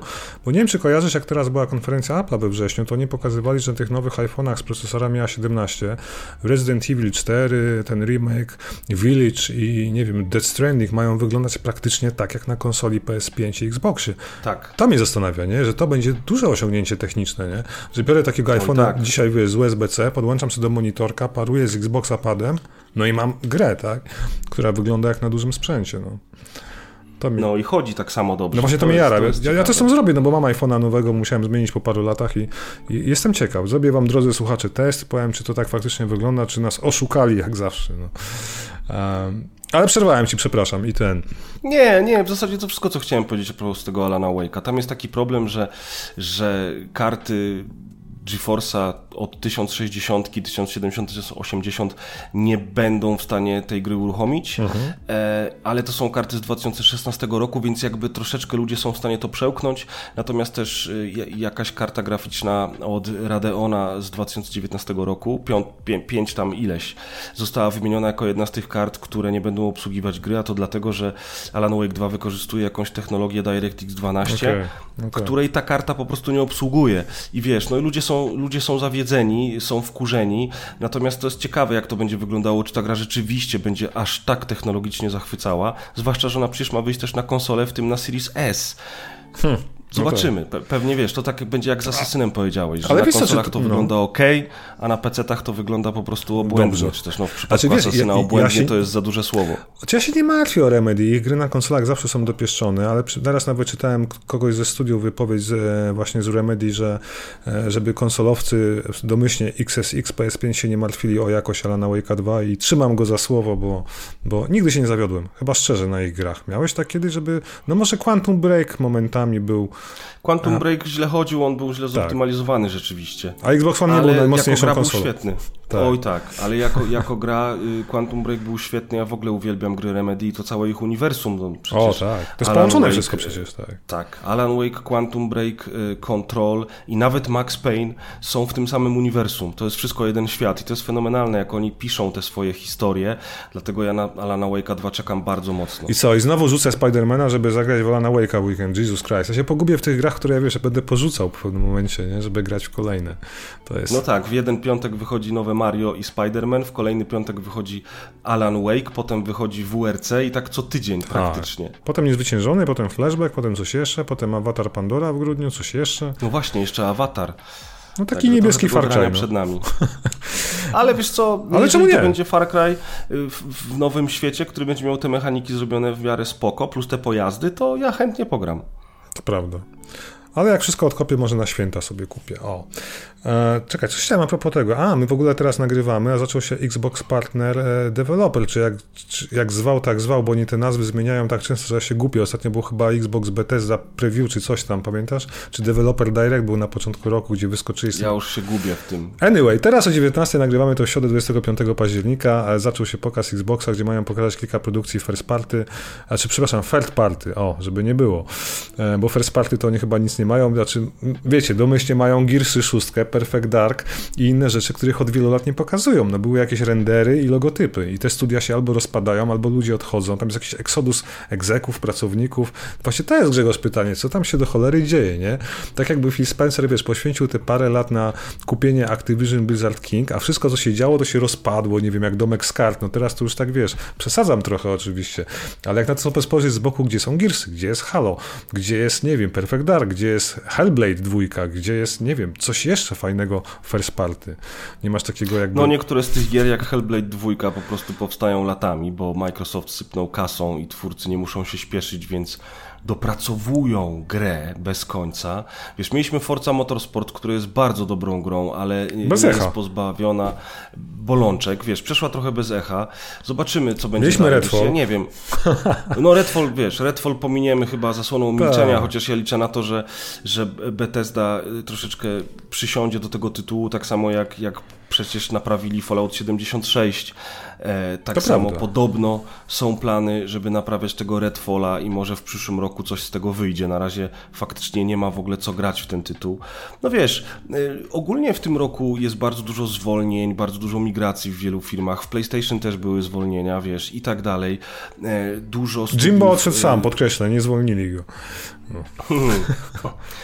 W każdym razie, no wiesz, no to jest biznes, tak jest zawsze i te rotacje, te zwolnienia zawsze się dzieją, nie? Tak Tylko być może w tym roku jest tego trochę więcej, wiesz, powypuszczali te wszystkie duże tytuły i, i w tym momencie następuje redukcja pracowników, co, co jest standardem w branży. To jest, nie jest nic nowego, zwłaszcza przy ogromnych tytułach i, i ogromnych studiach, które je tworzą.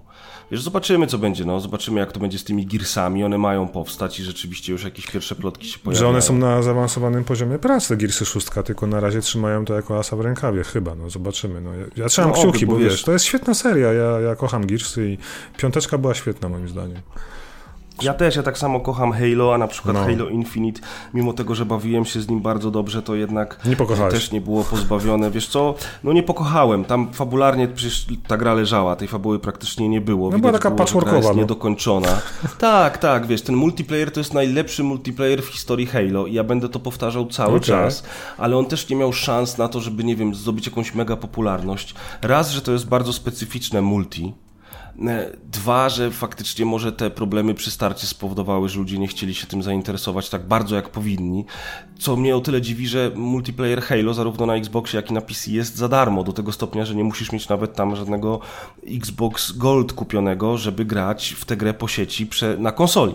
Mhm. No ale widzisz, no ona jest cały czas rozwijana, wychodzą kolejne sezony, dołączają do niej nowe rzeczy. No, ale wiesz, Frankie O'Connor odszedł, reszta egzeków, która tam była w tym Free for Free Industries, to mnie martwi trochę, nie? Mhm.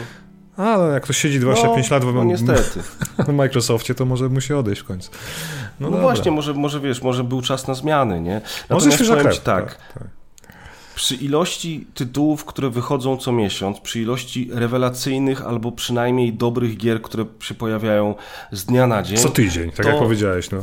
Tak, to wiesz co, to no, ja dla nas jako graczy nie widzę problemu. Ja rozumiem, że ludzie mogą tracić pracę, mogą zmieniać pracę, że jakieś dane tytuły mogą się nie udać, chociażby jak Redfall i przez to też na pewno nie jedna osoba miała zepsuty dzień, tydzień czy miesiąc, ale my jako gracze mamy mamy w czym przebierać. Zgadzam się z tobą. No ja tylko tak zawsze jestem trochę takim, wiesz, nie chcę powiedzieć, że pesymistą, ale jakimś takim e, sceptycznym optymistą, powiedzmy tak, no, który, wiesz, jednak patrzy z boku, co się dzieje, gdzie, w którą stronę ta branża zmierza, nie, co się dzieje, trochę tak, żeby sobie po, pokopać te artykuły, poczytać w necie, co się dzieje.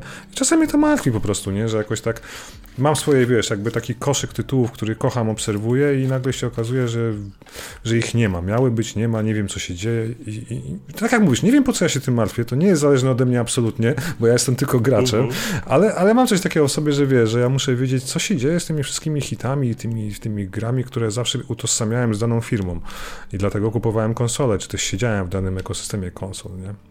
No tak, poza tym to jest nostalgia wszystko, wiesz, o, to jest kwestia to jest tego, że wracamy bardzo chętnie do tych serii, które już znamy, czy to mhm. będzie Halo, czy to będzie Forza, czy, czy nie wiem, jakiś tam e, kolejny e, tytuł flagowy od PlayStation, bo też przecież dużo ludzi mówi, że nie kupiło jeszcze PlayStation 5, bo na PlayStation 5 nie ma gier. Nie ma co Nie jest do końca prawda, ale z drugiej strony ja się nie dziwię, wiesz, jak większość tytułów startowych to były porty z PS4 przeniesione na PS5 i, i wiesz, raz na jakiś czas pojawi się taki pająk czy God of War, ale, ale z grubsza Horizon. ludzie mówią, no że wiesz, Horizon, ale wiesz, ludzie z grubsza mówią, ale znowu, to jest znowu pająk, znowu God of War, znowu Horizon, nie? A, a ludzie ludzie, którzy są z PlayStation od lat też mówią, gdzie jest Killzone, gdzie jest Days Gone 2. Jest to, dokładnie, już Days Gone 2 to wiemy, gdzie no jest. Wiemy, Zostało zakopane, tak. Wiesz, nie dogodzisz wszystkich. No wiem, wiem, wiem, wiem. Dlatego dobrze mieć może i PC, tak jak patrzę teraz, ale, ale potem mam Steam Decka, żeby sobie tym głowy nie zaprzątać. No.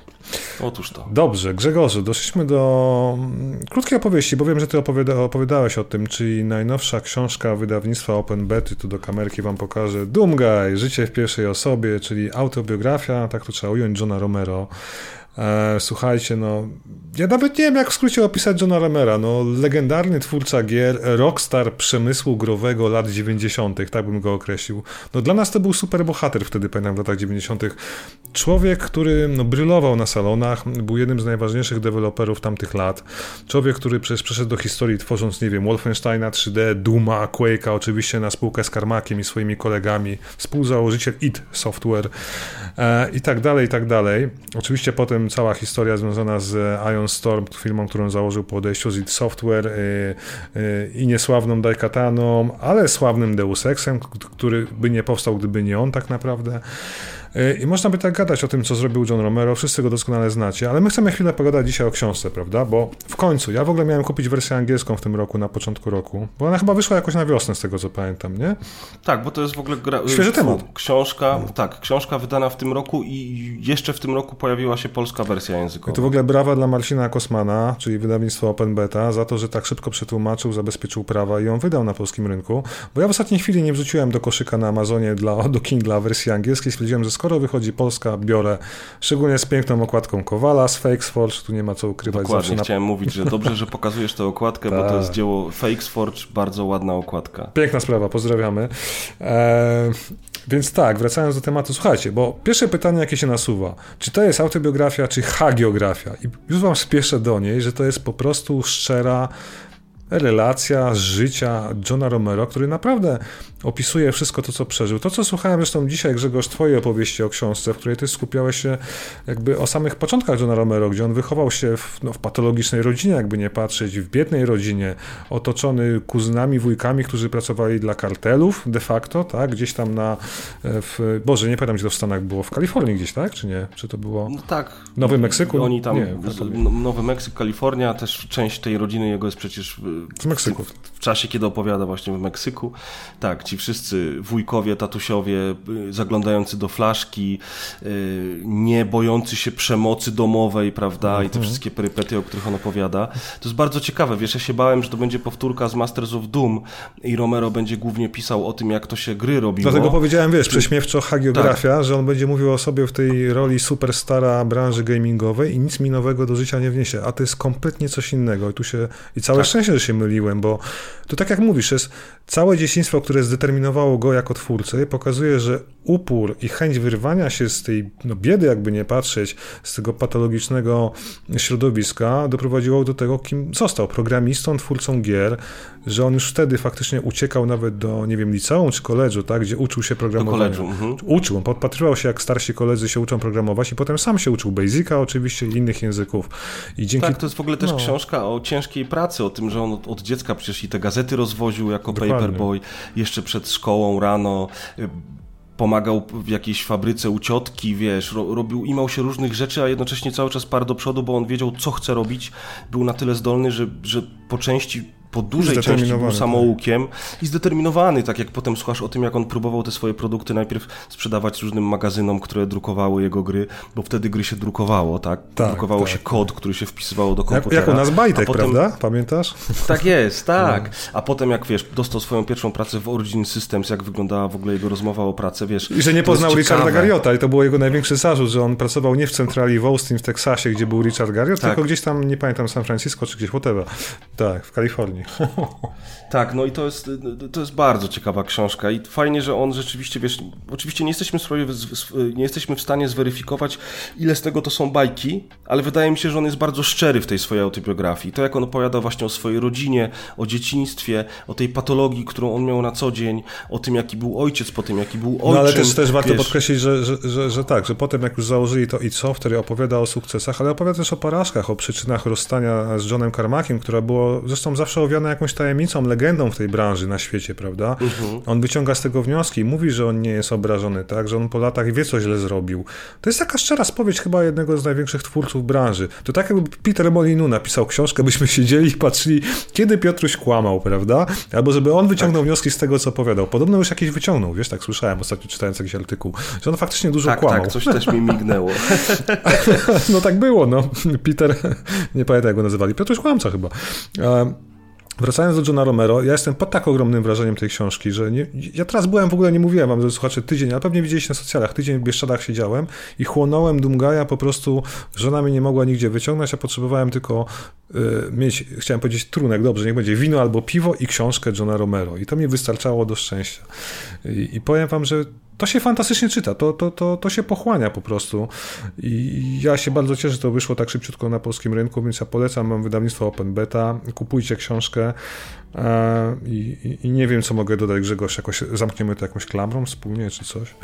Ja tylko dodam, że może e, jeżeli jesteście anglo języczni, czy też, czy też nie wiem jak to powiedzieć, angielski nie jest wam obcy, to ja też polecam audiobook, ponieważ ja akurat kupiłem audiobook na Audible i ten audiobook jest czytany przez Johna Romero. O. W związku z czym można wręcz posłuchać jego samego, jak on tę książkę czyta. To jest ciekawe doświadczenie. No ja to tak robiłem, że, że jeden rozdział czytałem po polsku, drugi rozdział słuchałem po angielsku i tak na zmianę. I to, to też było fajne doświadczenie, więc jeżeli macie możliwość, to zainteresujcie się też audiobookiem, aczkolwiek na półce na pewno tę książkę trzeba mieć. To wydanie od Open Bety jest świetne.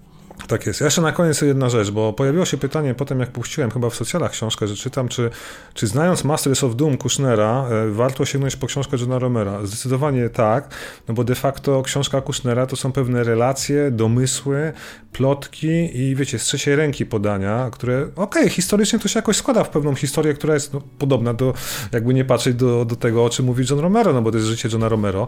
Natomiast tutaj mamy wszystko z pierwszej ręki i to jest jakby, nawet sama historia, która tam jest taki fragment o tym, jak Sierra miała kupić id Software dosłownie, to u Kushnera to jest jakiś taki, wiecie, krótki opis tego, dlaczego nie doszło do tego, a Romero mówi prosto, co poszło. O, pieniądze, zaliczki, kwota, jaki był Ken Williams, Roberta i tak dalej. I to jest super, no. Tym bardziej polecam, no, jeżeli was to interesuje. No, tyle. I Grzegorz, mam jeszcze jedną książkę, o której zapomniałem ci powiedzieć i nie wrzuciłem do rozpiski, bo dostałem do recenzji całkiem niedawno konsolę 2.0. Eee, przepraszam, co się pojawiło. Konsolę do gier 2.0. O, tak to wygląda. To jest, słuchajcie, dosłownie za chwilę będzie miała swoją premierę 31 października. Album pana Iwana Amosa.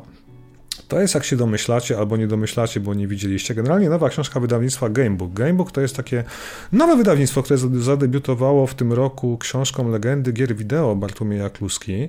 E, to jest uh mhm. -huh. oficyna powiązana z Eurogamerem, więc już chyba kojarzysz, o czym mówię, nie?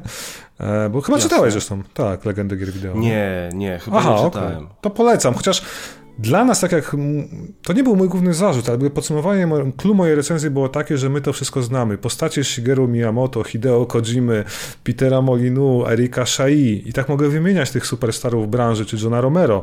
E, to dla kogoś jak dla nas, nie do końca to jakby jest nasz target, o to mi chodzi, nie? że my to znamy. Natomiast dla osób, które grają w gry i chciałyby się więcej dowiedzieć o legendarnych twórcach, to była fantastyczna pozycja, więc warto. Ja się nawet tam że bawiłem, bo było trochę ciekawostek, ale faktycznie chyba za nią nie zapłaciłem, więc to jest ta drobna różnica, dlaczego dobrze się bawiłem, bo pewnie bym sam komercyjnie nie kupił, bo znam tę historię. No. A, ale dobra. Czym są, słuchajcie, konsole 2.0? To jest, słuchajcie, bo widzicie, tu jest nawet gdzieś widać watermarka, edycja, egzemplarz recenzencki, o tutaj widać, nie? Egzemplarz recenzencki. Powiem wam szczerze, nie skończyłem tego jeszcze. Zbyszku, ja wiem, że ci obiecałem recenzję, nie będzie recenzji dzisiaj, tylko podkreślam, że czytam, czytam, czytam, czekam na swój egzemplarz, zamówiłem, więc konwersja jest, żeby nie było, że tu biorę darmowe PDF-y i sobie czytam. E, to będzie takie, słuchajcie, trochę w formacie Coffee Table Book, książka, która tak naprawdę Iwan Amos, autor, on jest fotografem, e, z tego żyje. On zrobił zdjęcia, słuchajcie, sprzętów od roku 72 do roku 2020, wszystkich konsol, które wyszły. Czyli jak się domyślacie, zaczyna się gdzieś od Magnavoxa Odyssey, a kończy na PlayStation 5 i Xboxie Series X i, i Switchu załóżmy, ale generalnie opisuje jakby swoje historie związane z tą, z tą konsolą, opisuje jakby technikalia konsoli, o tym, jakie gry były istotne dla tego systemu. Czyli można powiedzieć taki album, przewodnik po historii sprzętów e, dedykowanych grom wideo. well. Brzmi fajnie, moim zdaniem. Ja to przeglądam, czytam, jest bardzo fajnie napisane, ale przede wszystkim są kapitalne zdjęcia. To jest taka książka, która, wiecie, jak sama nazwa wskazuje, leży na gdzieś pod ręką, na tym tak zwanym, jak się tłumaczy, coffee table book, boże, stoliku kawowym, tak? Stoliku e, kawowym. jak ktoś przyjdzie w gości, to pierwsze co zrobi, to weźmie i będzie przeglądał, co to jest, nie? Bo to jest pięknie wydane, przynajmniej tak się szykuje z opowieści, no bo ja też nie mam swojego egzemplarza jeszcze, bo przypomnę wam, że premiera 31 października, już za chwilkę oczywiście. Tam będzie trochę bonusowych rzeczy, bo z tego co wiem, ma być ekstra rozdział pod tytułem Jak grać w produkcję retro, gdzie będzie dużo informacji o emulatorach, o MAME'ach, automatach i tym podobnych rzeczach. E, będzie pięknie wydane, to już chyba powiedziałem, więc polecam się zainteresować. Konsole do gier 2.0, e, gamebook.pl, wydawnictwo, tam znajdziecie więcej informacji o tym. Ja do Was wrócę, jak dostanę swój egzemplarz, to Wam pokażę, wrzucę w socjale i myślę, że warto będzie o tym chwilkę pogadać jeszcze raz, także podkreślam, mam na tapecie, e, będzie opowiedziane i tym wesołym sposobem Przeszliśmy do tematu głównego dzisiejszego odcinka. Słuchajcie, tutaj zaraz wejdziemy w bardzo grube rozkminki tematy na temat istoty mm, duszy, ducha i tym podobnych tematów. E, ja może na początek, Grzegorze drogi, podkreślę, że to będzie taki nasz subiektywny wybór filmów animowanych, animacji naszego życia, bo na pewno nie będziemy rozmawiać o dobranockach, wiecie, o Reksiu, o Baltazarze Gąbce, czy nie wiem, przygody kota Filemona hmm. i tym podobnych misiach uszatkach i innych jakichś fokach, czy innych jakichś dziwnych Rumcajsach. Nie wiem, jakie foki miałem na myśli. A, Krecika, przepraszam. To Ale... nie foka, to, to Krecik. to Krecik. Foki są dzisiaj... Dobrze, nie wchodźmy w to. Foki gdzie indziej oglądamy. E, dobrze. Tego nie będzie, no bo nie ma sensu. No, wychowaliśmy się na tym, bo tylko to było w telewizji w Polsce, tam wiecie, w latach 80. i na przełomie lat 80. 90. Nie będziemy gadać już o Disneyu. Może dlatego, że sam Disney to był, powinien być temat na oddzielny odcinek, gdzie trzeba by się skupić na tych e, no, ich flagowych animacjach i takich jakby punktach zwrotnych w tym, co oni w animacji, którą oni też jednak tworzyli z punktu widzenia amerykańskiego oczywiście. I, i, ale ja też nie jestem jakimś wielkim fanem, nie, nie zostałem wychowany na Disneyu, bardziej szczerze mówiąc na mandze i anime. E, i, A to ciekawe, bo ja akurat no? jeżeli chodzi o Disneya, to, to za dzieciaka bardzo dużo tych wszystkich bajek oglądałem. Bambi, Śnieżka, filmy. ja też, tak. Tak, ale... tak, filmy, czy nawet wiesz, czy nawet jakieś kacze opowieści i tak dalej, no to jednak się za dzieciaka oglądało wszystko. Ja pamiętam, wiesz co, Manga i anime to nigdy nie były moje strony. A no właśnie, bo ty jak to mówisz, chińskie bajki niekoniecznie, Chińskie tak? bajki. Znaczy wiesz, oczywiście lubię część Wiem. tych produkcji, ale nigdy jakby jako dzieciak się tym nie fascynowałem. Ja nigdy nie oglądałem Dragon Balla, czy tam Kapitana Tsubasy, to już mój młodszy brat się tym zajmował. No ja, raczej, ja raczej siedziałem w G.I. Joe, czy właśnie wcześniej w kaczych opowieściach. I Brygada RR, i Gumisie, i tym podobne Brygada rzeczy. RR, Gumisie, no tak, było tego mnóstwo, moglibyśmy wymieniać Tak, bo tak Wikipedia, byśmy siedzieli, co zrobił Disney w latach 90., nie? Ale to też nie o to chodzi. Dlatego klucz doboru filmu był taki, że rzeczy, które wywarły na nas chyba takie wrażenie, że do nich było łatwo dzisiaj wrócić, albo pierwsze, o czym pomyśleliśmy, to te tytuły właśnie. Ja myślę, że zaczniemy trochę kluczem, dekadami pójdziemy i oczywiście możecie pisać w komentarzach swoje typy, swoje ukochane filmy tamtych lat. Może jest coś, o czym warto, nie wiem, o czym sobie ja przypomnę wrócę do tego i chętnie obejrzę. E, Grzegorz, ja myślę, że jednym z takich najważniejszych jest to widać nawet na mojej koszulce He-Man and the Masters of the Universe, w zasadzie Masters of the Universe, tak, czyli He-Man, ten stary, rok 1983, no kultowa bajka, animacja, um, dwa sezony po 65 odcinków każdy, to jest ciekawe, nie? Jakby dzisiaj 65 zrobił... odcinków na każdy. sezon. Ciekawe, że serial powstał jako dodatek do nowej serii zabawek Matela. Ja o tym więcej wam nie będę opowiadał, bo to nie ma sensu. Jest taki fantastyczny dokument e, Toys That Made Us na Netflixie, który Zawsze jest jeden odcinek poświęcony danej serii legendarnych zabawek i animacji, które przeważnie towarzyszyły tym zabawkom. No i właśnie o tym Himenie jest taki odcinek, który warto obejrzeć, więc jeżeli macie Netflixa, koniecznie. Od razu dodam, że jeszcze jest Movie That Made Us, czyli ten sam serial analogicznie zrobiony dokument w stylu amerykańskim, wiecie, cięcia, krzyki, yo, jakieś śmieszne teksty, coś tam. Ogląda się to jak każdy głupi show, ale generalnie jest dużo fajnych pozakulisowych informacji o tym, jak na przykład, nie wiem, jest odcinek o Aliensach, gdzie wiadomo, że Michael Biehn nie grał jako pierwszy roli tego sierżanta, raczej czy tego Hicksa, e, kaprala Hicksa, prawda? Uh mhm. -huh. Tylko grał Jeremy Rainer, który się tam zaćpał. Nie Rainer, Boże Święty, ten drugi, zawsze mi się myli, to nazwisko Renner chyba. E, nie mylcie tego z Hawkeye'em. Taki koleś, który przez ćpanie heroiny na planie wyleciał i go zastąpił Michael Biehn. Bardzo dużo fajnych rzeczy, polecam, oczywiście. Natomiast nie wiem, to oglądałeś Grzegorz Himena, tak wracając do tego, Masters of the Universe? W sensie bajki? No. Oczywiście, że oglądałem. Tak każdy chyba, co? To się oglądało, myślę, że każdy to oglądał. Już nie pamiętam, czy to było na VHS-ach, które przynosił mój ojciec. Mój ojciec wtedy pracował w wypożyczalni kaset wideo o. i on często przynosił do domu, wiesz, te wszystkie animacje typu X-Men, Spider-Man, właśnie G.I. Joe, wiesz, pamiętam, że była taka, e, taka firma, która nazywała się Elgaz. Tak. I to była firma dystrybucyjna w teorii, a tak naprawdę większość tego tematu, który oni, pro, pro, znaczy, który który oni dystrybuowali w Polsce w ramach legalnych wypożyczalni kaset wideo, to były nielegalne filmy. Ale G.I. The Movie to było od nich chyba, nie? W takiej dystrybucji. No, mi wydaje mi się, no. że wtedy to wszystko było od Aha, nich właśnie. I Transformersy i tak dalej, wiesz. Mało wtedy było firm, które się tym zajmowały. No i właśnie e, no, to, to ten Elgas to mi zapadł w pamięć. Pamiętam to takie logo, czarne literki na żółtym tle, które zawsze na kasecie było. No. Tak, to było. No tak, Himen to nawet nie wiadomo o czym mówić. No, mamy Adama Księcia Eterni, który wiecie, no, ma swój miecz i ze swoim jak się to była Puma, tak? Czy Pantera, taka, która się wszystkiego bała, whatever. I potem się transformują w Himena na potęgę posebnego czrepu i myśmy wszyscy, wow, przeżywali przygody Himena walczącego ze szkieletorem, jego bandą. No, to było coś. Tylko ja bym chciał to kiedyś obejrzeć w takiej pełnym, wiesz, kolejności, dwa sezony po 65 odcinków. Nie wiem kiedy, nie wiem jak. I, i, i, czy, i czy, to ma sens, jak będziemy rozmawiali Dzisiaj? później o G.I. Joe i Transformersach, no tak. wiesz, czy to ma sens, żeby wracać do tych bajek, bo, bo co innego nasze wspomnienia, co innego Które są w 4K startują, wiesz, tak, po kilku dekadach.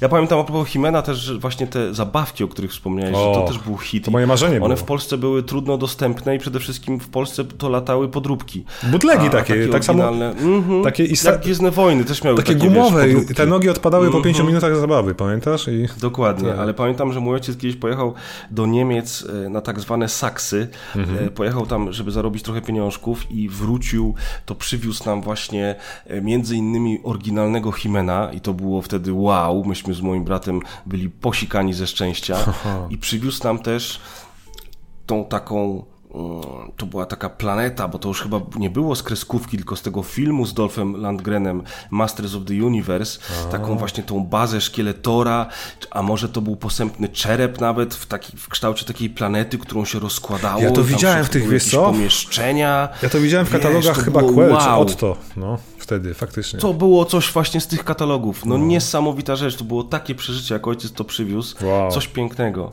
W ogóle myśmy wtedy te wszystkie zabawki zbierali za sprawą ojca, który nas często obdarowywał i mieliśmy całą kolekcję G.I. Joe, mieliśmy o, kolekcję kurczę. Transformersów, wiesz, Na bogato. tych zabawek było. No, zazdro.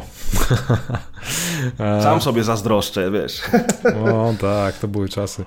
Słuchaj, no to tak, ja wiesz co, ja tylko wspomnę, że faktycznie w 2021 roku na Netflixie wylądował ten reboot Himena, tak zwany Himen and the Masters of the Universe Revelations to się nazywało. To nie było złe, tylko takie mocno woke, jeżeli komuś to przeszkadza. I, i, I, główną bohaterką, mam wrażenie, były właśnie panny, a nie sam Himen, co mnie trochę zdziwiło w kontekście tego, że to jest jednak Himen and the Masters of the Universe.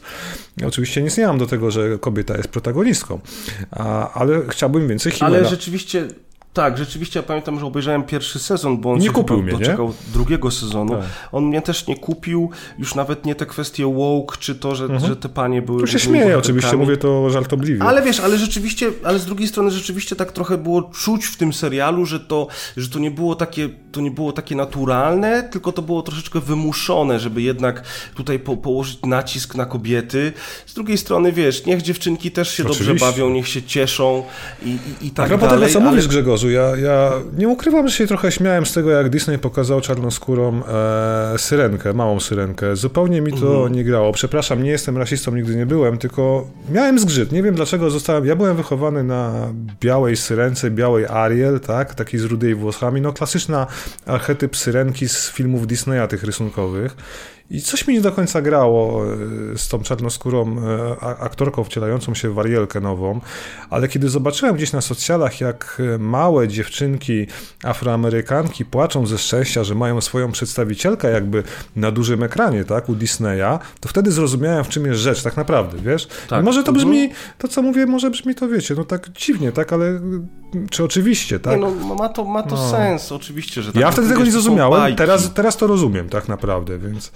Ja ci powiem, że ja w ogóle nie obejrzałem ani jednego aktorskiego filmu Disneya, odkąd oni zaczęli to wszystko robić. Ja nie też. widziałem, wiesz, Aladyna, nie widziałem ja Króla Lwa, nie widziałem Małej Syrenki i zupełnie nie, nie potrzebuję tego, potrzeby. Prawda? Tak. No. Widziałem te oryginalne wersje animowane, one gdzieś tam zawsze będą w mojej pamięci, w moim nostalgicznym serduszku. Mhm a te nowe wersje mnie po prostu nie interesują i nie mam ochoty ich oglądać, natomiast co oni z nimi robią, to też tak naprawdę nie jest dla mnie żadnym problemem. Robią to, co chcą, mają do tego pełne prawo i jak widać ludziom to się podoba, te filmy się dobrze sprzedają i powstaje no ich coraz więcej. No jest parę generacji do przodu, mają inny target, my pamiętamy nasze filmy z naszego dzieciństwa i dlatego o tym gadamy. Zwłaszcza, że one są dostępne cały czas na platformie tak. Disneya, prawda? No. Można to sobie wszystko obejrzeć. Ale Grzegorzu, idąc dalej w takim razie, słuchaj, dla mnie tak naprawdę jednym z bardziej kultowych filmów jest też Heavy Metal z 1981 roku. Ja co prawda ten film obejrzałem, tą antologię w zasadzie filmów animowanych science fiction, bo Heavy Metal jest taki kultowy magazyn, który w Stanach istniał albo istnieje jeszcze, nawet nie wiem, muszę to sprawdzić. On chyba nawet nadal istnieje. Chyba istnieje, tak. On generalnie, wiecie, to był taki pulpowy magazyn, który publikował krótkie historyjki komiksowe, wiecie, z gatunku science fiction, dark fantasy, oczywiście z dużą dawką erotyki, czy też podszyty były historyjki dużą dawką erotyki, może tak. I generalnie właśnie na bazie tych, tych historyjek no, powstały filmy dwa, no bo jeden to jest ten Heavy Metal z 81 roku. Swoją drogą, ja ci zazdroszczę, bo jak wiecie, przygotowałem się do tego odcinka, nagle się okazuje, że w Trójmieście za chwilę będzie pokaz heavy metal Octopus. E, tak, ale pokazuje. niestety się nie załapię, bo wyjeżdżam, wiesz, no. więc nie będzie mnie na tym pokazie. Ale kurczę, tam same dobre rzeczy są. Dzisiaj nagrywamy, to chyba The Fink leci z prelekcją, tak? E, więc... Tak, tak, dokładnie. A. Dzisiaj leci Kusi na kulturę, mają pokaz we Wrzeszczu, niedaleko mnie zresztą, w Metropolii jest, jest y, pokaz tego filmu. Już się zaczął, bo chyba o 19 miał startować. Także same dobre rzeczy dookoła się dzieją faktycznie. No i mamy Octopus Film Festival co roku w Gdańsku, no także właśnie. to też jest świetna rzecz. No właśnie. Ale słuchaj, heavy metal, no. bo to jest ciekawostka, że tego wymieniasz po Himenie i po bajkach Disneya. heavy metal to nie była bajka dla dzieci, prawda? To jest film dla dorosłych, tam jest dużo seksu, dużo wciągania narkotyków, dużo brutalności, dużo różnych rzeczy, masz rację. Ja to obejrzałem pierwszy raz w latach 90., mając wiesz, 12-14 lat i bardzo mi się spodobało, no bo w tym wieku wszystko się nastolatkom podoba, prawda? Szczególnie No i było dużo gołych kobiet, więc Oczywiście. bardziej ci się podobało. Oczywiście, dużo seksu na ekranie animowanego. E, to dzisiaj się broni. Ja to sobie odświeżyłem, bo wiedziałem, że ty pójdziesz tropem pewnych filmów, do których zaraz dojdziemy, a ja oprócz jednego właśnie odświeżyłem sobie heavy metal i naprawdę się broni, ten szczególnie pierwszy, tymi historyjkami. E, no i świetnym soundtrackiem. Tam wszystkie kapele metalowe, znaczy metalowe w cudzysłowie, oczywiście mówimy o heavy metalu lat 70., 80., czyli bardzo specyficznej odmianie muzyki, którą dzisiaj ciężko słuchać, gdzie wytapirowani panowie wyją do mikrofonu w rytm delikatnych perkusji i gitar elektrycznych. Dzisiaj byśmy to nazwali rockiem, tak? Może no wiecie, The Final Countdown Europe, taka estetyka, nie? E, i, ale robi wrażenie też ścieżka dźwiękowa i generalnie to się spina w całość i mi się to bardzo podobało. Nie wiem, czy widziałeś Heavy Metal w ogóle, ten, ten pierwszy? Ja widziałem go oczywiście, okay. widziałem go najpierw za dzieciaka, też jako nastolatek i, i faktycznie e, pamiętam, że to było wyjątkowe e, dla mnie, bo ta animacja, ta kreska, to wszystko jest wyjątkowe tam, ten klimat. Te, ale to jest taka klasyczna kreska amerykańska, prawda? Ja się na tym też łapię tak. zawsze. Tak, tak. Ja nie jestem tak, jakimś wielkim tak, fanem tej tak. kreski, ale wolę jednak frankofońskie komiksy, w ogóle jak już gadamy o komiksach. Ale doceniam, okej, okay, to było to było fajnie zrobione, ale ten film chyba nie odniósł jakiegoś genialnego sukcesu z tego, co pamiętam. Oj, wiesz co, 81 rok to mnie na świecie nie było. ja miałem rok to. Nie, nie wiem, no właśnie, także okay. niestety nie powiem. Nie, nie zrobiłem notatek, sorry, wybaczcie. No. E, no dobrze, ale warto przypomnieć, że jeszcze w 2000 roku dostaliśmy Heavy Metal 2000 e, z Julią Strain. To też był film animowany, a Julia Strain, jeżeli nie znacie Julie Strain, to ją poznajcie. Bardzo charakterystyczna pani, aktorka, grająca w filmach klasy B, C. E, niestety zmarła, ale e, swego czasu bardzo pożądana przez nastolatków takich jak ja. E, no, ona się tutaj wciela w główną bohaterkę tego Heavy Metal 2000. To był niestety po pierwsze pełnometrażowy film animowany, czyli to nie były historyjki, do której nas przyzwyczaiła jakby idea tego heavy metalu. Chociaż nie wiem, kto się przyzwyczaił, że dopiero po 20 latach dostał drugą część, nie? No tak. Ale, ale generalnie to był dosyć, dosyć kiepsko napisany film science fiction, w którym Julia Strain wciela się w bohaterkę, która musi uchronić, wiecie, jakiś tam naród przed zagładą, bo mają komnaty wody, która daje nieśmiertelność, jakiś szaleniec chce ją zdobyć. O, taki był plot z głowy, wam to mówię. I to było słabe, ale robi wrażenie grafika, bardzo nowoczesna jak na te czasy. No oczywiście Julia Strain, jej dubbing, bardzo fajnie, fajni aktorzy, których sobie nie zapisałem, którzy podłożyli głos. Można zobaczyć, powiem wam szczerze, nie wiem gdzie to można dzisiaj zobaczyć, chyba gdzieś na płatnych platformach, ale nie na streamingach, które znamy z naszego rynku. E, dodam tylko tyle, że wyszła też gra Heavy Metal Fuck 2, e, tak samo w 2000 roku. No, oj, pamiętam. I to było dobre. Pamiętasz? Bo to wiesz, co to stworzył w tak. ogóle? Heavy Metal Fuck 2. Szczerze mówiąc nie. Ritual Entertainment. Oni zrobili Sin, A, z tego co pamiętam, nie? Ze... Między innymi, no, tak, no. między innymi Sin. No, Heavy Metal y, Fuck 2, pamiętam, że miałem jeszcze y, wersję piracką na CD-ROMie, wiesz, tak, z rynku, tak. z rosyjskimi napisami y, na okładce i pamiętam, że grałem w to sporo. To nie była jakaś wybitna gra, ale, ale faktycznie no. zapadła mi w pamięć przede wszystkim, nie? Główna bohaterka, Julia Strain, pamiętajcie. No tak. Wygooglajcie. No tak, tak, tak. Sprawdźcie sobie panią Julię. Tak jest jest. No i na koniec ciekawostka związana z heavy metalem. Nie wiem, czy wiecie, ale to właśnie David Fincher i Tim Miller mieli tak naprawdę zrobić reboot, czy też remake tego heavy metalu w 2008 uh -huh. roku już, prawda? Bo Tim Miller to wiesz, to no Deadpoola i Fincher, którego doskonale znamy z Obcego, z Seven, e, dobrze powiedziałem Seven, tak? Siedem. E, tak jest. I, no i nie wiem, Mindhunter chociażby super serialu na, na Netflixie. Oni generalnie nie mogli zdobyć praw, wiecie, do heavy metal, a bardzo się starali. Tam coś, coś się udało zrobić, bo, bo tam były jakieś zawirowania z tymi prawami.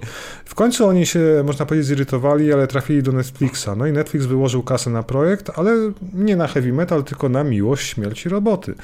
Więc de No facto, widzisz. jak dzisiaj patrzymy na Love, Death and Robots, no to słuchajcie, to de facto jest heavy metal, tak? Mamy antologię, kilkunaście, kilkanaście odcinków na jeden sezon, mamy już trzy sezony, które zgarnęły, słuchajcie, 11 nagród Emmy do tej pory. Dla mnie to jest chyba jedna z najlepszych rzeczy, jaką zrobił Netflix do tej pory, jeśli chodzi o animację, bo to są też, wiesz, takie przecież reklamówki jakby możliwości studiów na całym świecie, nie? W estetyce anime, komputerowej, naturalnej, jak zwał, tak zwał, oczywiście wiemy o co chodzi, nie? A, i, i kocham ten serial, mam nadzieję, że ten czwarty sezon powstanie, bo jakoś dawno nie było, nie? Tak naprawdę. No nie było, ale to są faktycznie fantastyczne nie tylko pokazówki tego, jak technologicznie można zrobić filmy animowane, tak, ale te historyjki są bardzo często naprawdę dobre i e, trafiające w sedno, więc jeżeli ktoś nie zna Miłość Śmierci Roboty, to warto po ten serial na Netflixie sięgnąć. Tak jest. No i dochodzimy do filmu, który Grzegorz uwielbia, czyli Transformers The Movie 1987 rok. Kiedy ja... Szósty, szósty. Przepraszam, szósty. Widzisz, ja sobie siódmy zapisałem. A to G.I. Joe jest chyba siódmy, dobra. Tak, G.I. Joe wyszło rok później. I tutaj jest mój błąd, bo to samo studio, widzicie? To się musi sklejać. E, słuchajcie, film, który zapamiętałem jako naprawdę coś mocnego, ze świetną muzyką i fantastyczną akcją. Grzegorz pierwszy obejrzał, ale nic nie powiedział, ja potem to nadrobiłem. No i teraz możemy się zderzyć z, z opiniami. E, Znaczy widzisz, ty powiedziałeś, że Grzegorz uwielbia, y, mały Grzegorz uwielbiał, e, Tak. wtedy jeszcze Grzesiu. Wiesz, w tej chwili po latach wróciłem do tego filmu i zawsze, wiesz, zawsze pamiętałem, że ten film to było wydarzenie i Tak. to, było, to było naprawdę mocne kino animowane. Y, I teraz po latach ja też się zawiodłem oglądając ten Mm. film ponownie jako dorosły facet. Wiesz, mm, to jest przede wszystkim prosta bardzo historia. Ona nie wymaga zresztą jakiejś nie wiadomo jakiej głębi, ale wiadomo, mamy roboty, które zmieniają się w ciężarówki, samoloty i pistolety i te roboty walczą między sobą, jednocześnie pomagając ziemianom i tutaj nagle w filmie Transformers The Movie pojawia się e, ogromna Unikron. mechaniczna tak, ogromna, ogromna mechaniczna planeta pożerająca światy, y, która staje się głównym zagrożeniem. I tak naprawdę to jest cała oś fabularna. Transformersy muszą się zjednoczyć, żeby walczyć nie tylko z Decepticonami, ale właśnie z Unikronem. I ta fabuła jest nijaka. Nie wiemy skąd on się wziął, po co on się wziął, co on robi. I tak naprawdę. tam jest jakaś geneza jego po pojawienia się, ale ja w ogóle nie zrozumiałem tego. E, Wiesz, bo tam, tam nie ma czego rozumieć No tak, tak, masz rację, naprawdę w okej. tym filmie. No tak. Jest oczywiście kluczowa scena, tutaj przepraszam za spoiler, śmierci Optimusa Oczywiście. Prima, najważniejszego Transformersa w historii Transformersów. Yy, Scena, którą do dzisiaj wszyscy, wszyscy pamiętają, pokazują bardzo często i zawsze się śmieję, bo co roku jak jest Prime Day Amazona, to pojawiają się takie memy, że zrobiliście z tego święto, e, święto konsumpcji na Amazonie, a tymczasem Optimus Prime umarł za nas wszystkich, wiesz, coś takiego, no to jest zabawne.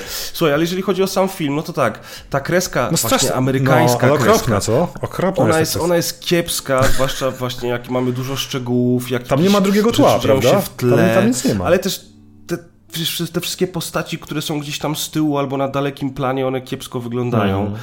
Ta, ta walka, te, te wszystkie rzeczy, wiesz, dzisiaj one już nie robią takiego wrażenia. Ja jestem święcie przekonany, że w 86, jak to się pojawiło w kinach, to to robiło wrażenie. Tym bardziej, że zobacz, jaką mamy tutaj obsadę. No właśnie. Orson Welles wcie, wciela się w y, Unikrona. Unikrona. Leonard Nimoy, czyli Spock ze Star Treka, wciela się w Galvatrona.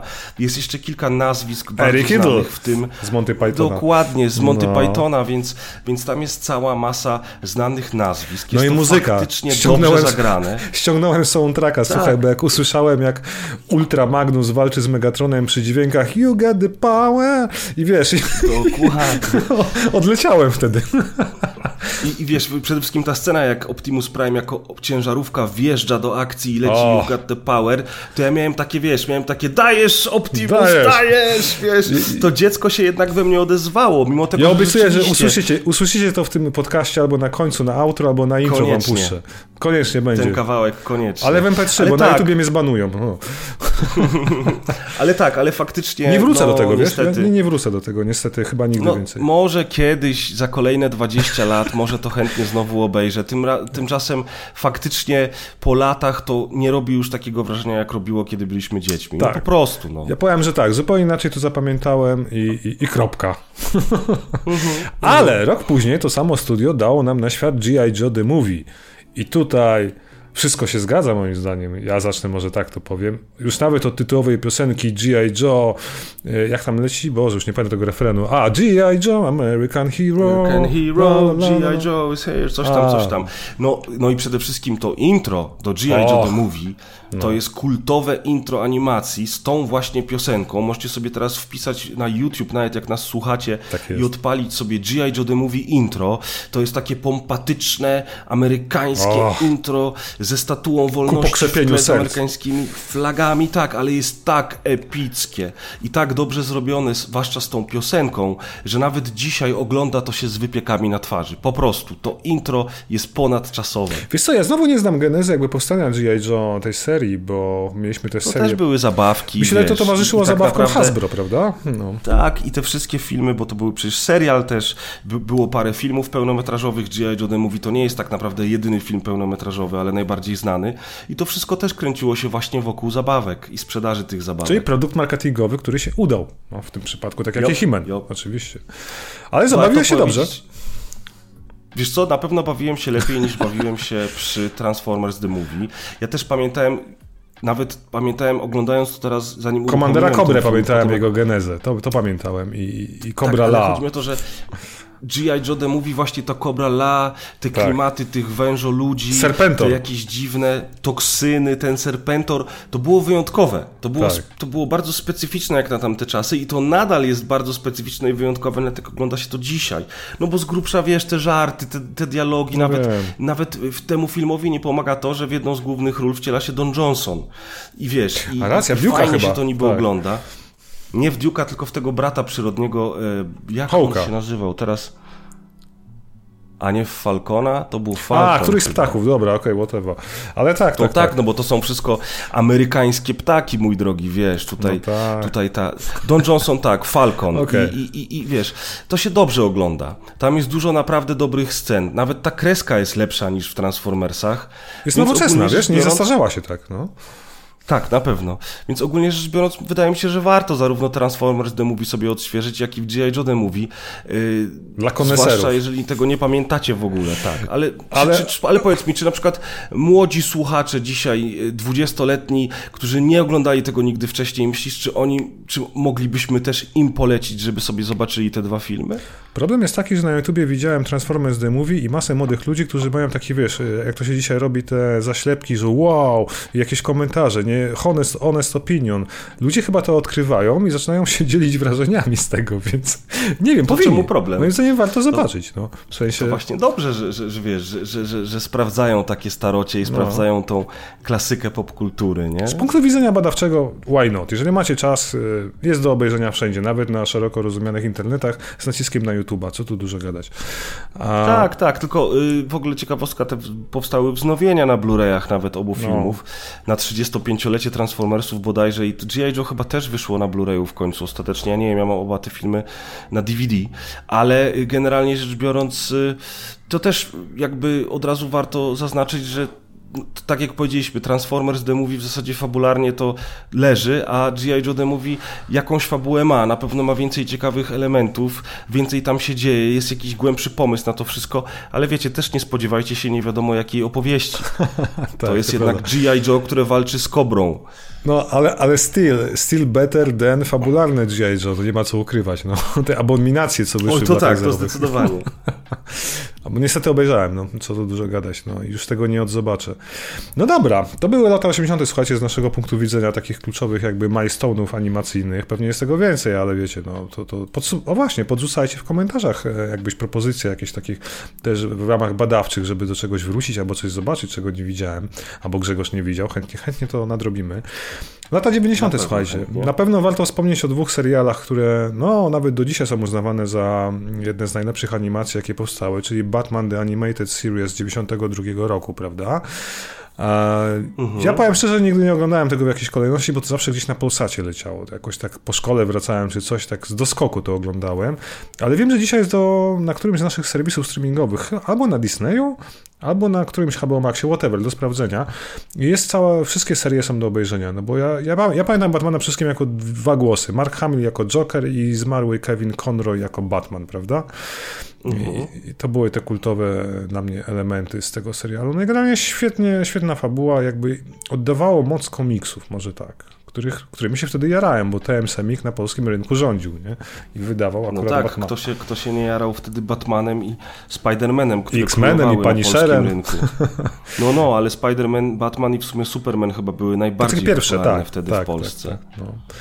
No oczywiście jeszcze egzekwo mamy X-Men The Animated Series tak samo z 92 roku, którego ja mniej znam, bo ja nigdy nie mogłem na niego trafić wtedy. A pamiętajcie, że mówimy o latach 90., gdzie no satelita to był szczyt, szczyt jakby, nie wiem, zamożności, tak to mam ująć. Generalnie tak. nie wszyscy mieli satelitę, ani kablówka to nie była coś, coś popularnego. Nie było kablówek w zasadzie wtedy, o czym ja gadam. E, Ale powiem ci, że to właśnie tak jak mówiłem, akurat X-Menów oglądałem na kasetach, które ojciec przynosił o, do domu z wypożyczalni, no więc to się dało wtedy oglądać głównie na VHS-ie tak samo jak ten serial o Spider-Manie animowany, który wtedy też e, gdzieś tam śmigał na kasetach. To był ten śmieszny z taką piosenką Spider-Man, Spider-Man, to, to, to, to, to tak? To taki mm -hmm. stary? Okej, okay, mm -hmm. dobra, to już wiem. Wszystko jasne. Eee, Coś jeszcze, a ja na RTL jakieś oglądałem, bo tam dużo leciało wtedy na satelicie właśnie na RTL-ach i tych wszystkich ProSieben, te seriale po niemiecku. Nic nie rozumiałem, ale świetnie się bawiłem. Jak to, jak to tak było? No, miało się 10-12 lat, człowiek się jarał obrazkami, nie? Animowanymi. Oczywiście. Chodźmy dalej. Na pewno, ja, ja chciałem jeszcze powiedzieć dwa słowa, chodzi o tym, że właśnie jak miałem tą pierwszą satelitę, no to na pewno wtedy Cartoon Network, e, albo po niemiecku, albo nawet po angielsku chyba miałem, już nie pamiętam, ale może trochę później, w 1994 roku to już miałem, kurczę, kurczę, tak, miałem 14 lat, już miałem satelitę w Polsce, Cartoon Network chyba był nawet na kablówce, z tego co pamiętam, w 94, tak. I wtedy no faktycznie... No tak, ja też, y, ja Cartoon Network jeszcze po angielsku oglądałem, zanim weszła polska wersja Cartoon Network. Tak, ja pamiętam, że taki serial Centurioni, Thunder the Barbarian, jakieś takie niesamowite rzeczy, które tam leciały na początku, bo potem oczywiście, wtedy jeszcze była MTV, które, słuchajcie, muzykę puszczało, wtedy się słuchało Tupaka, słuchało się, nie wiem, California Love na przykład i, i to było w telewizji, na MTV, no dzisiaj nie do pomyślenia. Oj tak, oj tak. Beavis Offspring, pre, Offspring, tak, Green Day i Tupac, y, Notorious B.I.G., Basta Rhymes, cała reszta. To wszystko było. I się nagrywało wtedy na, na, na kasecie VHS te teledyski, I puszczało z kolegami gdzie? po szkole. No, na prywatkach się puszczało, tak, prywatki, prywat, słowo tak boomerskie, jest. które wyszło chyba z obiegu. E, tak jest, na domówkach w zasadzie się mówiło, już nawet my chyba mówiliśmy domówki wtedy, nie? Czy nie? Tak, myśmy już mówili domówki. Prywat, na, na prywatki to chodzili nasi rodzice, myśmy chodzili już na domówki. Chodziliśmy na domówki oglądać niemieckie ślizgacze i właśnie teledyski z kasy. Tak było. I, grać, I grać w dema na płytach CD do, do, dostępne dla pierwszego PlayStation. Nie? Patrz, jaki mam tytuł odcinka dzisiaj. Niemieckie ślizgacze z Grzegorzem W. No. Dobrze, źle to zabrzmiało. Okej, okay, cofam. Dobra, nie wchodźmy w to.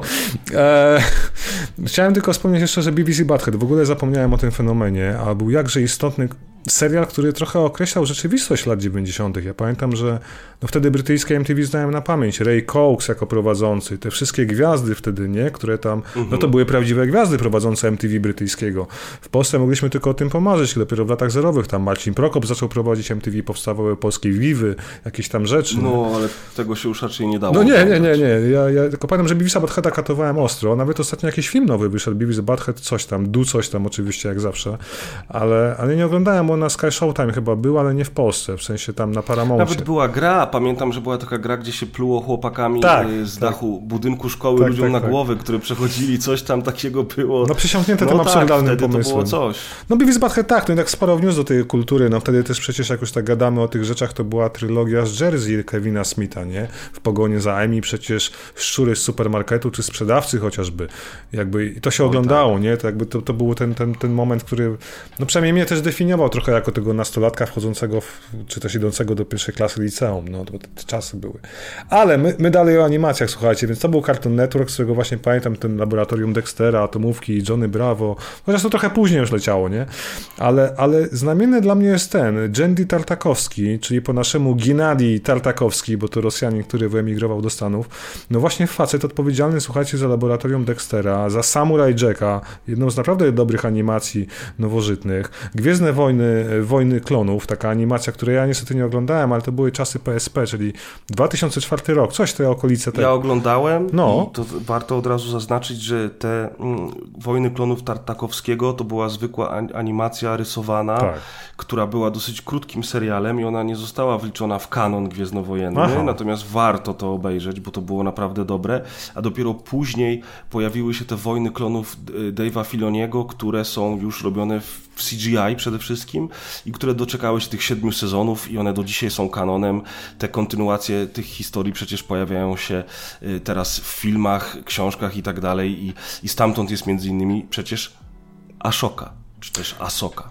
W ogóle właśnie teraz, jak o tym mówisz, pomyślałem sobie, że skoro kiedyś robiłem materiał o Gwiezdnych Wojnach, to warto by zrobić ten materiał o nowych Gwiezdnych Wojnach, czyli o tym wszystkim, co się teraz dzieje w Disneyu, bo jest taki burdel moim zdaniem, za przeproszeniem. No e... właśnie, jest sens robić cokolwiek. no dobrze. Może lepiej to przemilczeć, wiesz, czytując klasyka, pozwólmy przeszłości umrzeć. Plus I'm too old for this shit, dobra. Ma... Dokładnie, tak, no niestety. niestety. E... Tak, ja wiesz, bo tak powiedziałeś o tej szoce, mi się przypomniał Admirał Traun, który bardzo długo nie był w kanonie i nagle Out of the Blue się pojawił. Out of the Blue on oczywiście. Był w, kanonie, jest... w kanonie był dlatego, że on się pojawia w Rebelsach, a Rebels, tak. se, serial Star Wars Rebels jest kanonem, nie? Ale jeszcze chwilę Tam przedtem tak... nie był, nie? Więc to mi taki, taki, taki zgrzyt miałem, nie? Bo Rebelsy od kiedy no tak, ale Admirał Traun w ogóle, to tak a propos historii Gwiezdnych Wojen, uratował trochę markę Gwiezdnych Wojen, kiedy, tak. kiedy powstawały te książki, komiksy i gry i w zasadzie filmy już traciły na popularności. Nagle pojawiła się tak, trylogia Admirała Trona. Dziedzic Mocy chyba był jedynka. To, tak, było, to było tak, genialne. Tak. Ja pamiętam, że się zdziwiłem, dlaczego oni nie ekranizują tej trylogii Zana, Timothy'ego Zana właśnie, tylko robią jakiś nowy reboot czwórki, tak naprawdę, nie? No bo... Tak, tak, tak, no bo oni skasowali całą, całą tą, całe to rozszerzone uniwersum, no i nazwali legendami. czasów Lukasa. Tak. Nazwali, to, nazwali to legendami i postanowili zrobić swoje własne, które tak naprawdę są remixem i kopiowaniem pomysłów z, tej, z tego oryginalnego y, poszerzonego uniwersum, dlatego właśnie wrócił Tron, który był jedną z najbardziej znanych postaci legend już teraz, nie?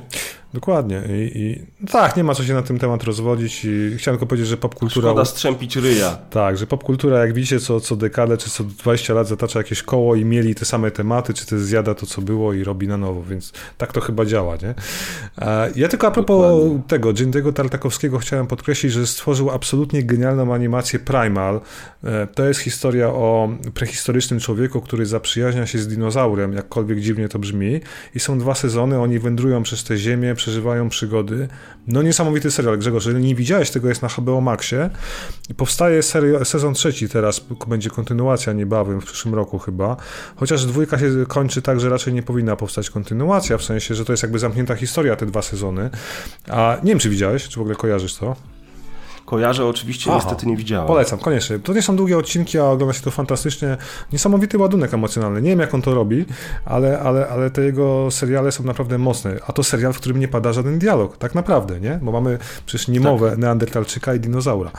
Koniecznie, koniecznie.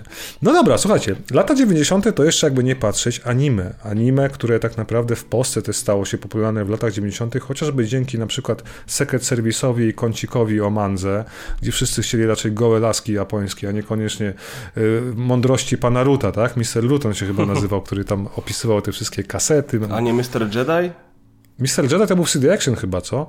Tak mi się wydaje. A Mr. Lud był właśnie tam. Ale whatever mhm. do sprawdzenia.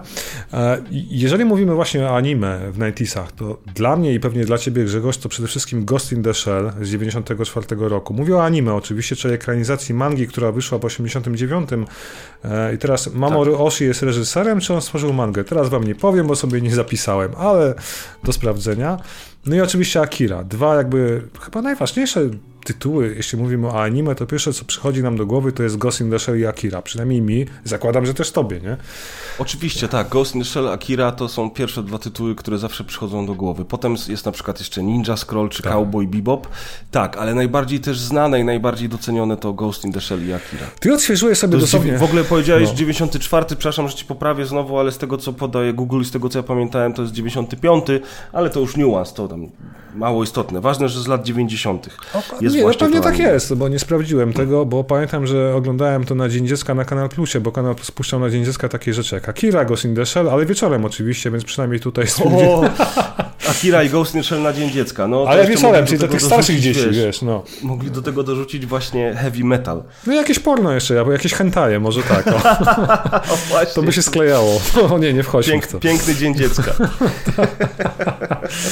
Tak, no ale wróćmy, słuchaj, do Ghost in the Shell, bo ja pierwszy raz zetknąłem się właśnie wtedy z tym filmem na Kanal Plusie. Ja byłem o miały, jak to obejrzałem. Ja wcześniej czegoś takiego nie widziałem, ani w animacji. Okej, okay, był Johnem Mnemonic w kinach, więc czytałem już e, Neuromancera, z którego nic nie zrozumiałem, szczerze mówiąc, wtedy mając te 13 lat. Znaczy, okej, okay, no wiedziałem o co chodzi, bo byłem komputerowcem, tak? Grałem na PC, byłem po Amidze, e, kochałem kosiarza umysłów i tak dalej, ale Ghost in the Shell mnie po prostu pochłonął. Mnie tak zafascynowała mi wizja tej przyszłości pełnej cyborgów, transferów umysłu, świadomości do innych ciał, e, cyberprzestrzeni, którą pokazano trochę lepiej niż w Johnem Mnemoniku, chociażby wspomnianym.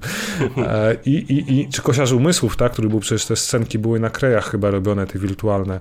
Ale ty odświeżyłeś sobie ten film, ja go oglądam raz na rok czy dwa lata, więc go znam doskonale, szczególnie jedynka, bo nie będziemy mówić chyba za dużo o dwójce, chyba że obejrzałeś dwójkę i też chcesz dwa słowa.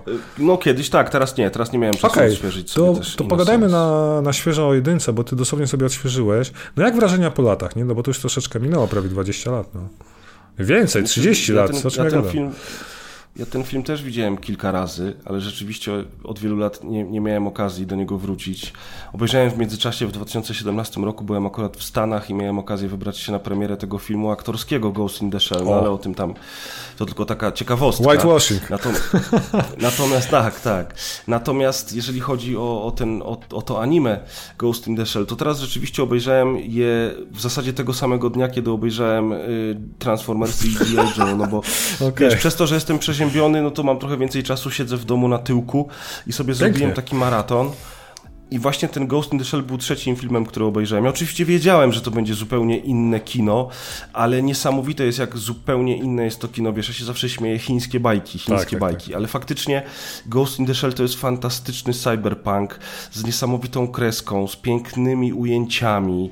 Muzyka. Z bardzo, tak, z muzyką genialną, z bardzo szczegółowo i klimatycznie oddanym światem. I, I ten film do dzisiaj się broni. Ten film do dzisiaj trzyma w napięciu, on do dzisiaj ma takie momenty i takie sekwencje, które po prostu, na które się patrzy jak na obrazy, wiesz? Te Jakbyś sceny, oglądał to w muzeum. Ja to tak mam, jak widzę te sceny, kiedy major Motoko chodzi po mieście w deszczu, jest taka niesamowita muzyka i można się na chwilę zawiesić i kontemplować jakby ten świat i, i, i to przesłanie tego filmu, nie? To, to, to, to, to tak. mnie strasznie jara. Poza walkami, epicką walką z mechem, czy wiesz, e, od razu skojarzyłeś mhm. walkę z mechem, nie? W Phantom Liberty tak oczywiście, nie? Czy też no właśnie, właśnie, w Phantom Liberty to jest po prostu, to jest, to jest to. takie nawiązanie do Ghost in the Shell. No, mhm. no. Natomiast y, powiem ci tak. Ale że... jest jedna łyżka chyba dziegciu w tej beczce miodu, bo chwilę gadaliśmy na przedanteniu, powiedziałeś mi, że chcesz ten temat poruszyć y, o, o, odnośnie mhm. bodajże finału. Może chcemy zdradzać finał? Znaczy, ogólnie... Nie, może nie, nie. zdradzajmy finału, bo ja uważam, że to jest na, na, tyle nadal aktualny film i temat, że warto go poznać, jeżeli jeszcze ktoś nie widział albo nie czytał mangi.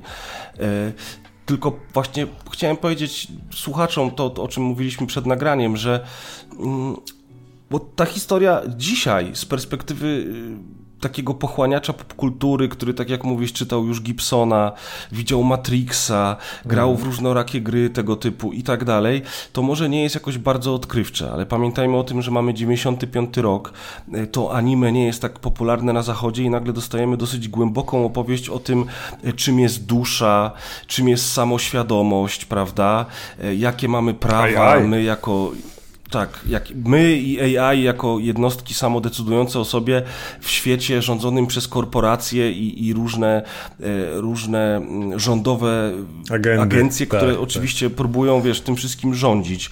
Ta historia, co prawda, dzisiaj już jest nieco prostsza niż kiedyś mi się wydawała. Mhm. Jest dosyć, dosyć łopatologiczna wręcz bym powiedział momentami, ale nadal ogląda się to dobrze i nadal ma to sens. Natomiast faktycznie ten finał, to zawiązanie historii, to połączenie, które następuje na końcu, jest dla mnie o tyle dziwne, że w filmie, który trwa godzinę i 19 minut, chyba było zbyt niewiele ekspozycji tej, tego tematu, żeby zrozumieć tak naprawdę, czemu e, major na końcu podejmuje taką, a nie inną decyzję, czemu otrzymujemy taki, a nie inny finał. I tutaj jest pytanie do ludzi, którzy znali mangę i którzy czytali mangę. Manga jest dużo obszerniejsza i to podejmuje prawda. dużo więcej wątków. Czy ten temat jest tam e, lepiej wyeksponowany i lepiej wytłumaczony niż tutaj? Natomiast ogólnie tak naprawdę to poza tym finałem, czy tą decyzją głównej bohaterki, to nie bardzo jest się do czego przyczepić w Ghost in the Shell. Ten film nadal robi piorunujące wrażenie. Zgadzam się i podpisuję się pod tym, co powiedziałeś. Ja do niego wracam raz na rok, dwa lata. Mam w ogóle kupiłem jakąś edycję 2.0, 4K, coś tam, coś tam, więc to, to wygląda coraz lepiej, tylko kwestia nośnika. No. A, i, i, tak, mam natomiast problem bardzo z Ghost in the Shell 2, czyli Ghost in the Shell 2 Innocence który robi kolosalne wrażenie pod kątem oprawy audiowizualnej znowu. Znowu mu się udało, Mamoru Oshii chyba reżyser, tak? A Masaru, y, ten drugi to jest twórca mangi oryginalnie, whatever, wiecie, mój japoński nie jest dobry. E, natomiast y, problem mam z taki, że jest kompletnie odjechana już w taką stronę, gdzie jest faktycznie dużo technobełkotu i trochę niezrozumienia przeze mnie od połowy filmu, nawet no, od połowy filmu zwycz, o co tam tak naprawdę chodzi, poza różnymi aspektami bycia AI i tak dalej, które trochę innymi rzeczami które wynikają z finału, oczywiście jedynki bez zdradzania, E, I, I, ja do dwójki rzadko wracam, chociaż właśnie powinienem, bo może coś, coś zmieniło mi się w postrzeganiu tego wszystkiego dzisiaj, tak jak mówisz, nie? I chyba warto wrócić. Ale... No widzisz, ja żałuję, że w końcu nie zdążyłem tego no, Innocence sobie obejrzysz. Pamiętam, że oglądałem to, oglądałem to dawno temu, gdzieś na studiach i pamiętam, że też niewiele z tego filmu zrozumiałem, że on jest rzeczywiście skomplikowany. Ale tak, chyba, chyba na dniach jednak po niego sięgnę, no bo, no bo to dalej to jest dobra rzecz. To tak. Ja w ogóle polecam w ciemno seriale, które wyszły zaraz po Ghost in the Shell 1, czyli mówię tu o Standalone Complex i Second Geek. Dwa sezony, takie spin-offy w zasadzie, które mówią o tym wszystkim, co się działo przed filmem Ghost in the Shell 1, czyli ta sekcja 9, Major Motoko, Batu i ten zespół prowadzący te sprawy kryminalne. Kapitalna animacja, tam się dużo dzieje, jest cały ten świat pokazany bardzo rozlegle, więc, więc gorąco polecam. Ja gdzieś mam na DVD jakieś stare rzeczy, ale to jest chyba do obejrzenia gdzieś na streamingach. Natomiast kompletnie nie polecam najnowszych Ghost in the Shell z Netflixa. Tych zeszłorocznych iteracji, bo wyszły chyba dwa sezony już e, i okropnie wyrenderowane na komputerach e, postacie w ogóle mi nie pasują jakby do tej estetyki właśnie z, z, tej, z tych kultowych mang. Nawet seriali z tych e, ostatnich seriali, bo wyszedł jeszcze przez serial Ghost in the Shell Arise parę lat temu. To ci polecam w ogóle Grzegorz, tam cztery odcinki, takie dłuższe mini serial i robi wrażenie. Ale to, co zrobił teraz Netflix, mimo że to jest ciągle ta sama firma, chyba Production IG się nazywają, nie? Ci, którzy robią Ghosta. Nie wiem, co mhm. poszło nie tak, ale ta estetyka zupełnie do mnie nie trafia, ja słyszałem, że niektórym się podoba, no. Więc zobaczymy. Może takie czasy, jak mówisz, to nie my jesteśmy już targetem tego gosta nowego. Eee, ale ale słuchajcie, jest jeszcze jeden killer, klasyk, e, który warto znać, czyli Akira. Akira z 88 roku. Dobrze mówię, czy 87? Coś mi się myli. 88. Już zapytam wujka Google. Tak jest, te daty to faktycznie jest coś, z czego żeśmy się nie przygotowali, ale tak, 88, no 1988 no. rok. Ja go obejrzałem oczywiście jak zechwał z Ghost in na Kanal Plusie w ramach Dnia Dziecka i powiem wam, że to było trochę, to było traumatyczne, bo to jest bardzo poważna, poważny, znaczy poważny materiał wyjściowy w postaci postaci mangi 19-tomowej, którą swoją drogą kupiłem i teraz jest dobra okazja, można nadrobić sobie, jeżeli ktoś chce uzupełnić swoją biblioteczkę, wyszło wznowienie w hardcoverze, na nowo wydane i nawet pobłogosławiona kolorystyka przez twórcę, bo akurat gadałem kiedyś z właścicielem JPF Fantastica, czyli dużego znanego wydawcy mangi w Polsce i mówił, że każdy kadr przy każdym druku nowej Akiry musi być zatwierdzony przez pana Otomo w Japonii, czyli twórcę oryginału. Nieźle. Niesamowite, nie? Dla mnie nie do zrozumienia, ale okej, okay. taka to kultura. No generalnie słuchajcie, no to jest film, który um, Um, jest po pierwsze mocno cyberpunkowy, dzieje się w takiej dystopijnej przyszłości, ale to nie jest film cyberpunkowy, to jest bardziej film o gangach, o tym jak wygląda życie w jakimś tam Neo-Tokio po trzeciej czy czwartej wojnie nuklearnej, bo to jest jakby ten motyw przewodni tych filmów zauważyłem, nie? W Ghost in the Shell też jest po jakiejś trzeciej wojnie światowej czy czwartej, w Akirze też jest po trzeciej czy czwartej wojnie nuklearnej, mamy jakieś Neo-Tokio. No wiesz, to są, to są na pewno następstwa końca II wojny światowej i zrzucenia no. bomb atomowych na Japonię. Zdecydowanie. To tam u nich w tej kulturze, zwłaszcza kulturze kulturze science fiction bardzo mocno się przejawia w tamtych latach. Masz rację, to jest, to jest dokładnie to, teraz to skojarzyłem, jak powiedziałeś.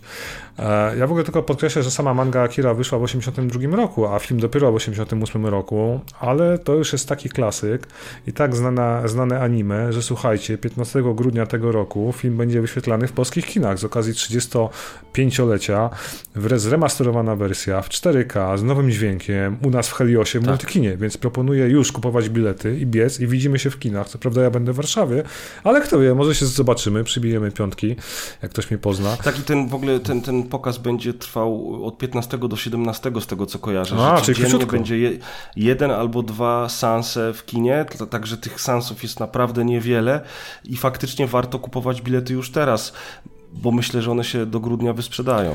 Ja mam akurat w 4K, kupiłem sobie na e, Ultra HD nośniku wersję z książeczką, super edycję, więc oglądam w domu, ale chętnie do kina pójdę, bo to musi być inne wrażenie, zupełnie zobaczyć ten film na dużym Nie, no oczywiście, bardzo... To jest trudny film, nie ma co ukrywać, że on ma swoje momenty, które nużą, dłużą, ale jako całość robi kolosalne wrażenie. Kultowe sceny. On jest, on jest trudny, ciężko tak. się go ogląda. Naprawdę trzeba się skupić na tym filmie, żeby zrozumieć o co w nim chodzi, a i tak nie, nie jestem w stanie do dzisiaj. Ja dopiero za którymś razem mniej więcej tak, załapałem jakby te wszystkie niuanse związane, wiesz. A dobra, nie będę w to wchodził.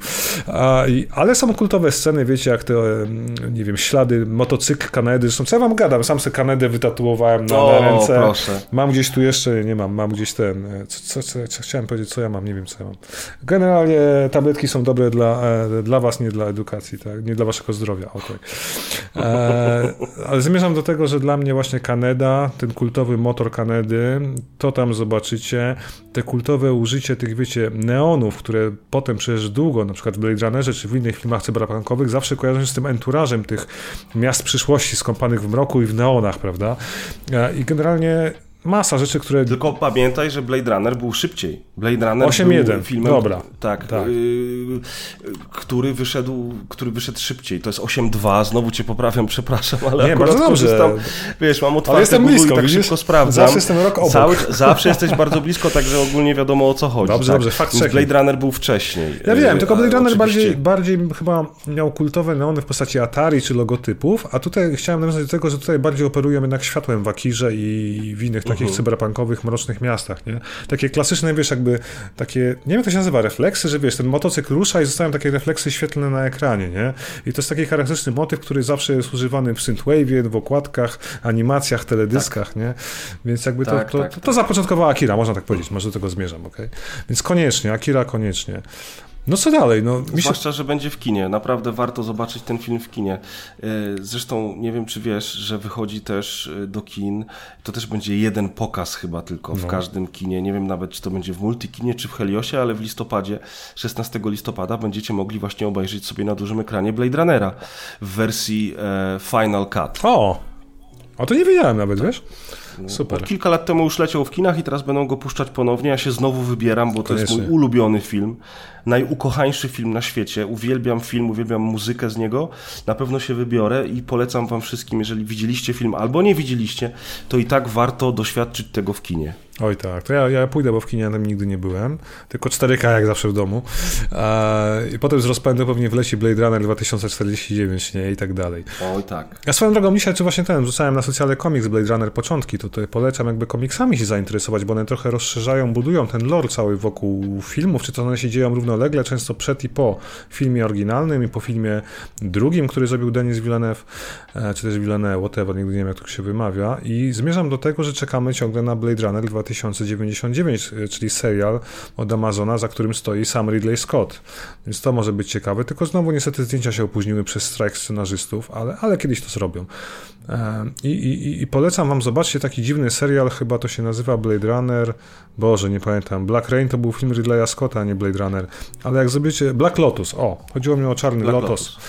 Ja tego nie widziałem. Podobno jest niezłe, szczególnie dla fanów uniwersum, ale nie jest to coś wybitnego. Ale jest na Crunchyrollu. Ja nie mam dostępu akurat. No dobra. Ja też niestety nie mam. Też chcę obejrzeć, nie widziałem jeszcze, także... Szeroko rozumiane internety mają wszystko. Myślę, że w tą stronę pójdziemy. E, Słuchajcie, na pewno muszę wspomnieć jeszcze o dwóch rzeczach, które są znamienne dla lat 90. i odkrywania tych jakby e, rzeczy, czyli Polonia 1, która wniosła no bardzo dużo tych kultowych anime, na których wychowali się młodsi słuchacze, widzowie tak podcastu.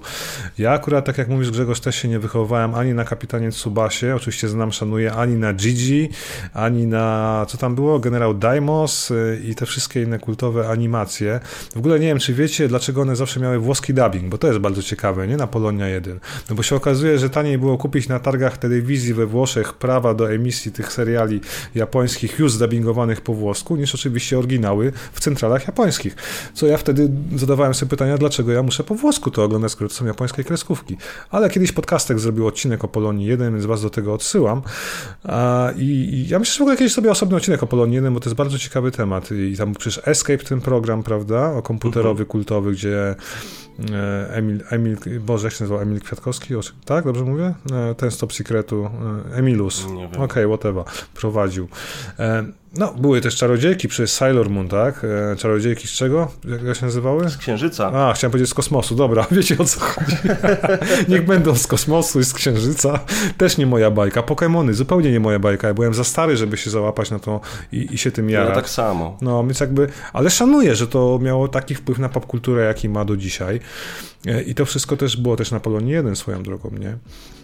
Natomiast kolejna rzecz, która na mnie zrobiła wrażenie w latach 90., to pewnie studio Ghibli i Hayao Miyazaki, czyli kultowa postać, twórca no, nagradzanych anime. E, no, sam, nie wiem, sam Hayao Miyazaki dostał przez dwa Oscary za filmy Spirited Away i Ruchomy Zamek Hauru. To już mówi o klasie tej animacji i uniwersalnych przesłaniach, jakim jego to można powiedzieć bajki, no to są baśnie w zasadzie, nie? To brzmi lepiej, e, którymi są te jego filmy. Ja swoją drogą mówię o tym tylko dlatego, że w tym roku wchodzi jego najnowszy film, bo on poszedł na emeryturę, ale nie wytrzymał długo ten Miyazaki na emeryturze, wrócił, zrobił nowy film, który nazywa się Chłopiec i Czapla, The Boy and the Heron. Heron to Czapla chyba. Okej, okay, do sprawdzenia jak zwykle. E, I on wchodzi do kin już w grudniu, będzie u nas chyba i na całym świecie, bo w wakacje był w Japonii wyświetlany. Bardzo czekam, bardzo dobre opinie zbiera. Ja w ogóle nie chcę dużo gadać o studio Ghibli, bo ja nie znam ich twórczości. Ja, ja oglądałem Szkarłatnego Pilota, oglądałem oczywiście te Oscarowe Spirited Away, Ruchomy Zamek Hauro. Bardzo dużo filmów studia Ghibli jest na Netflixie, więc jeżeli macie Netflixa, koniecznie warto zajrzeć i nadrabiać to, co oni produkują, bo to są niesamowite rzeczy. Pamiętam jeszcze Mój Sąsiad Totoro, parę innych rzeczy. Fantastyczne baśnie i warto, mi się wydaje, było o tym wspomnieć, bo to jest kawał, no jednak tego wkładu w anime, e, ogólnoświatową animację. Co dalej, Grzegorzu? No ja muszę polecić baj, bajkę, niech będzie bajka, e, anime, na którym się wychowałem, czyli Kapitan Harlock. Wiesz, co to jest? Czy nie masz żadnego pojęcia? Nie, okay. nie mam pojęcia. Słuchaj, Chętnie się dowiem. E, Space Pirate Captain Harlock, bo tak się nazywa ta postać, no to jest generalnie, no taki wiecie, archetypowy bohater romantyczny, pirat, kosmiczny pirat, o, o takiej swojej indywidualistycznej filozofii życia, który wraz no nie wiem, no z bandą swoich towarzyszy przemierza przestrzeń kosmiczną na pokładzie statku Arcadia, który jest zwany czasem Albatorem. Nie wiem dlaczego lewa mówię, może słyszeliście tę nazwę. On generalnie broni ludzi e, na Ziemi przyszłości, bo to się dzieje w odległej przyszłości, gdzie wiecie, spo, społeczeństwo stało się lazy, rozlazłe, podporządkowane rządom, konsumpcji. Taki trochę woli, wiecie, jeśli chodzi o widok e, grubego, rozlazłego społecznego poddaństwa ludzi, mieszkańców danych, wiecie, zjednoczonych krajów. Tak? w wielkim skrócie. Dosyć uniwersalny przekaz. E, niesamowita postać kapitana Harlocka, to jak wygooglacie, ja myślę, że jak go zobaczysz, Grzegorz, to skojarzysz od razu postać z taką charakterystyczną szramą na twarzy, długimi włosami i trupią czachą e, na klacie. E, genialna manga, która powstała już w 78 roku, zrobił ją niejaki Leiji, musiałem sobie pisać Matsumoto, ok.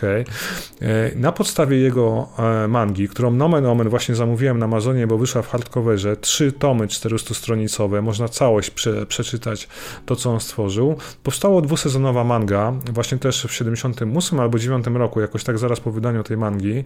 Ja to obejrzałem wszystko gdzieś w szeroko rozumianych internetach, bo tego nie ma nigdzie i podtrzymuję słowo, że to jest bajka, na której się wychowałem wtedy, będąc nastolatkiem, ale powstała masa spin-offów, bo to jest bardzo popularna postać w Japonii.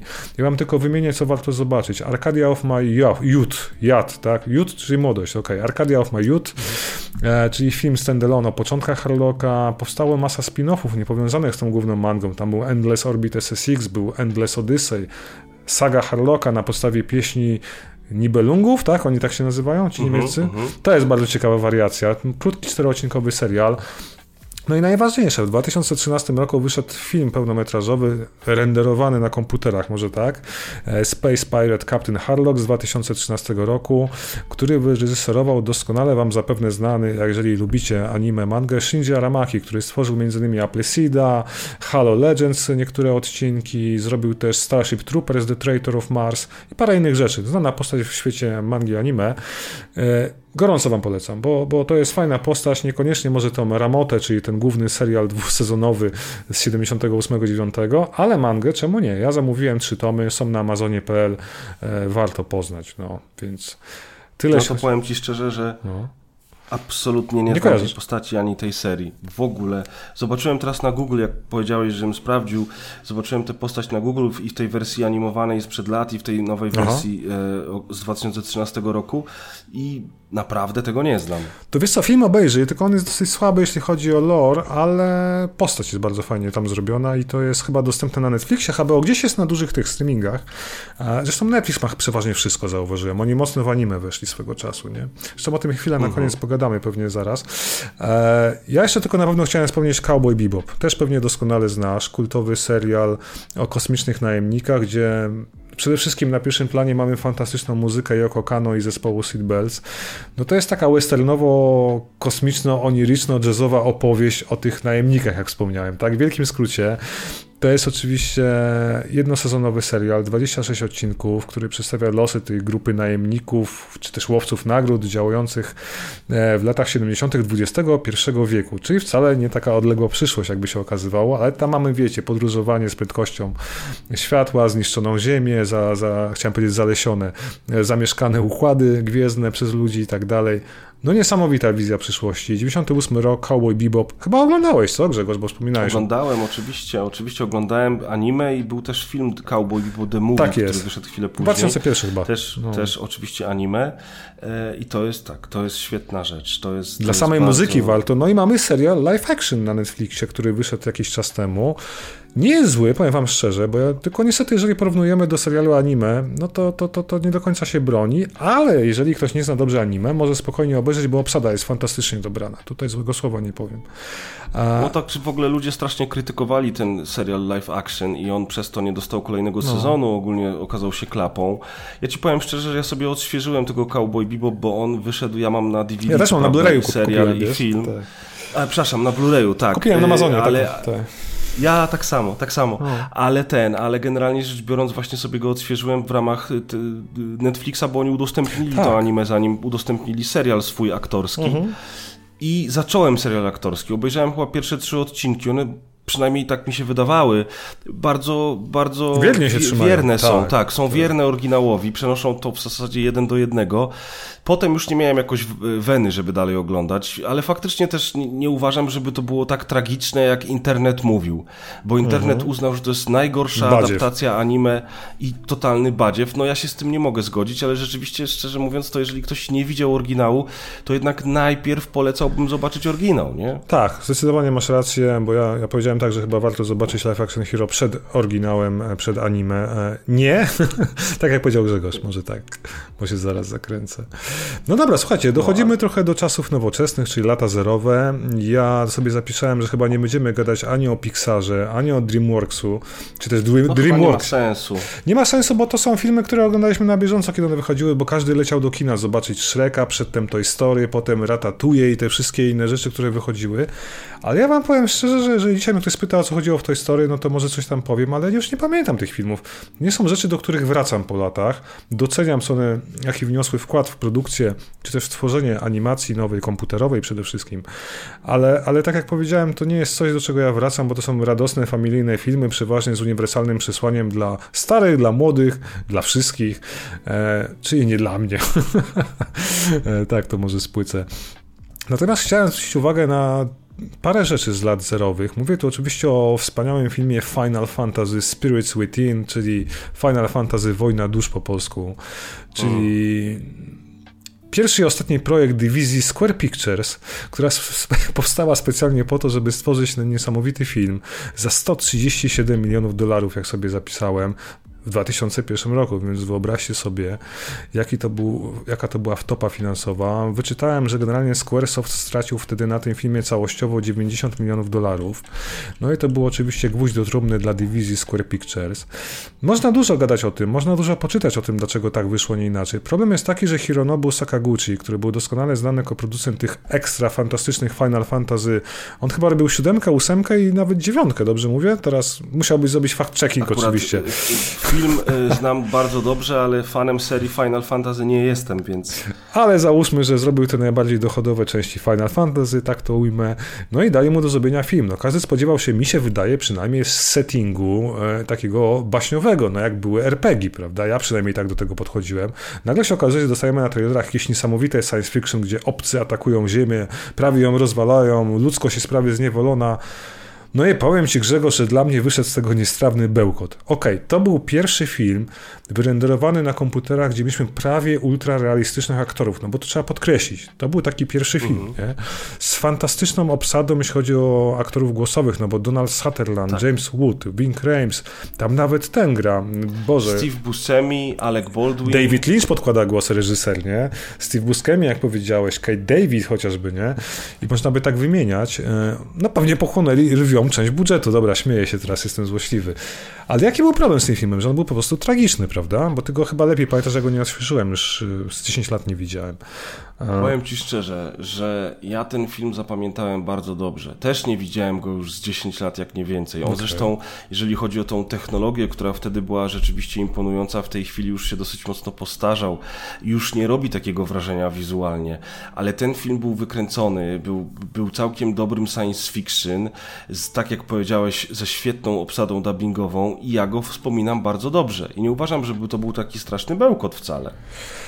No wiesz co, ja pamiętam, że tam trochę za dużo było jakiejś teorii o tych duszach, które gdzieś tam się przenosiły. Ja już też nie pamiętam, muszę to obejrzeć, ale no bo, no odrzuciło mnie to. No. Taki japoński technobełkot, wiesz. wiesz taki technobełkot, faktycznie po, poplątanie z przemieszaniem i ja rozumiem, że mogło to do ciebie nie przemówić, ale dla mnie ogólnie jako, jako całość ten film, ten film był całkiem udany I, i, i szkoda, że oni więcej nie sięgnęli po takie tematy, że to się nie udało, że ten film się nie sprzedał, bo, bo wydaje mi się, że gdyby to studio mogło robić dalej y, filmy, to moglibyśmy dostać jeszcze kilka naprawdę ciekawych produkcji. Ja tylko podkreślę, że to, że film flopnął i zatopił studio filmowe nie znaczy, że zatopiło Squaresofta, który musiał dokonać fuzji z Enixem. To jakby oddzielmy te dwie kwestie. Square Enix powstało dlatego, bo to był po prostu biznes, a nie związany ze Square Pictures tutaj. Tak bym mhm. chciał to wyboldować. Wiesz co, ja do tego filmu chyba kiedyś wrócę, bo widzę, że jest na Blu-rayach i można go całkiem tanio na 4K też kupić i, i chyba się temu przyjrzę bliżej, zapamiętałem go bardzo źle, tutaj nie ukrywam i, i, i go nie lubiłem. E, no dobrze, Grzegorz, ale w roku 2003 wyszedł Animatrix, pamiętasz to? Oj, człowieku, czy ja to pamiętam? To była szajba. Ja oglądałem Matrixa w kółko i na okrągło tyle razy, że w końcu musiałem zrobić sobie długą, długą przerwę i chyba przez 15 lat później nie oglądałem tych filmów, o. dopóki nie przyszło do premiery czwartej części, którą oczywiście pominiemy milczeniem, tak. ale odświeżyłem sobie wtedy nie tylko trylogię, ale też właśnie Animatrixa. No Animatrix to jest genialne dzieło, wspaniała antologia. No właśnie nie wiem, co mogę tu dodać. Każdy odcinek jest w innej technice zrobiony, każdy opowiada o czymś innym. Oczywiście wspólnym mianownikiem są maszyny i, i tak zwana macierz, tak, tytułowa. E, ja też mam swoją wersję gdzieś na nośniku fizycznym, bo to jest jedna z tych antologii, którą muszę mieć na półce. Raz na jakiś czas do niej wracam.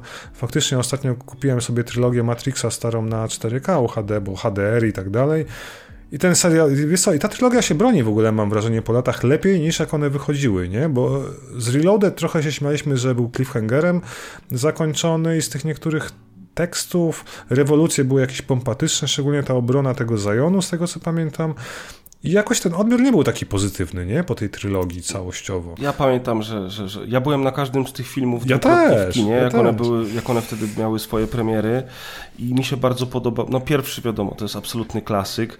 Drugi podobał mi się tak sobie, a trzeci podobał mi się prawie tak dobrze, a może i nawet bardziej niż jedynka. Jestem, wiem, jestem jedną z tych kilku Ciekawe. osób na świecie, które twierdzą, że Rewolucja to jest dobry film i faktycznie wtedy wszyscy to krytykowali może rzeczywiście z perspektywy czasu, jak oglądać to teraz, to, to, to jako całość lepiej się broni. Może przez to, że minęły te wszystkie lata, tak jak nie wiem, kiedy, po, po wielu latach. I zobaczyliśmy czwórkę. prequeli. Tak, no i zobaczyliśmy czwórkę, tak samo jak wiesz, po wielu latach trylogia prequeli y, jest dużo bardziej chwalona w prequeli Star Wars, zwłaszcza po, po, po trylogii sequeli od Disneya. Nagle się okazało, że te prequele nie były takie I miały złe. sens, nie? Jakiś. Ja, I miały sens, tak. Ja bardzo sobie cenię trylogię Matrixa. Już wtedy uważałem, że te filmy były dobre, chociaż tak jak mówię, ten środkowy film Reloaded jest najmniej udany. Mm, ale powiem ci, po, po latach, jak obejrzałem teraz te filmy znowu, to nadal podobały mi się tak samo mocno. Nadal uważam, że Rewolucje to jest dobry film i świetne zwieńczenie trylogii. Ale wiesz co? Natomiast... I, i walka Neo no. z, ze Smithem e, w deszczu jest kapitalna scena, moim zdaniem, walki. Ten cały pojedynek końcowy to, to, to robi takie wrażenie do dzisiaj, nie? Ale właśnie, natomiast technologicznie, ponieważ ja teraz no. już to oglądałem, wiesz, na, na OLEDzie 65 cali w 4K, gdzie ta jakość obrazu jest naprawdę ostra, to już te efekty CGI, między innymi ta finałowa walka, o której wspomniałeś, hmm. zaczynają trochę biednie wyglądać, wiesz?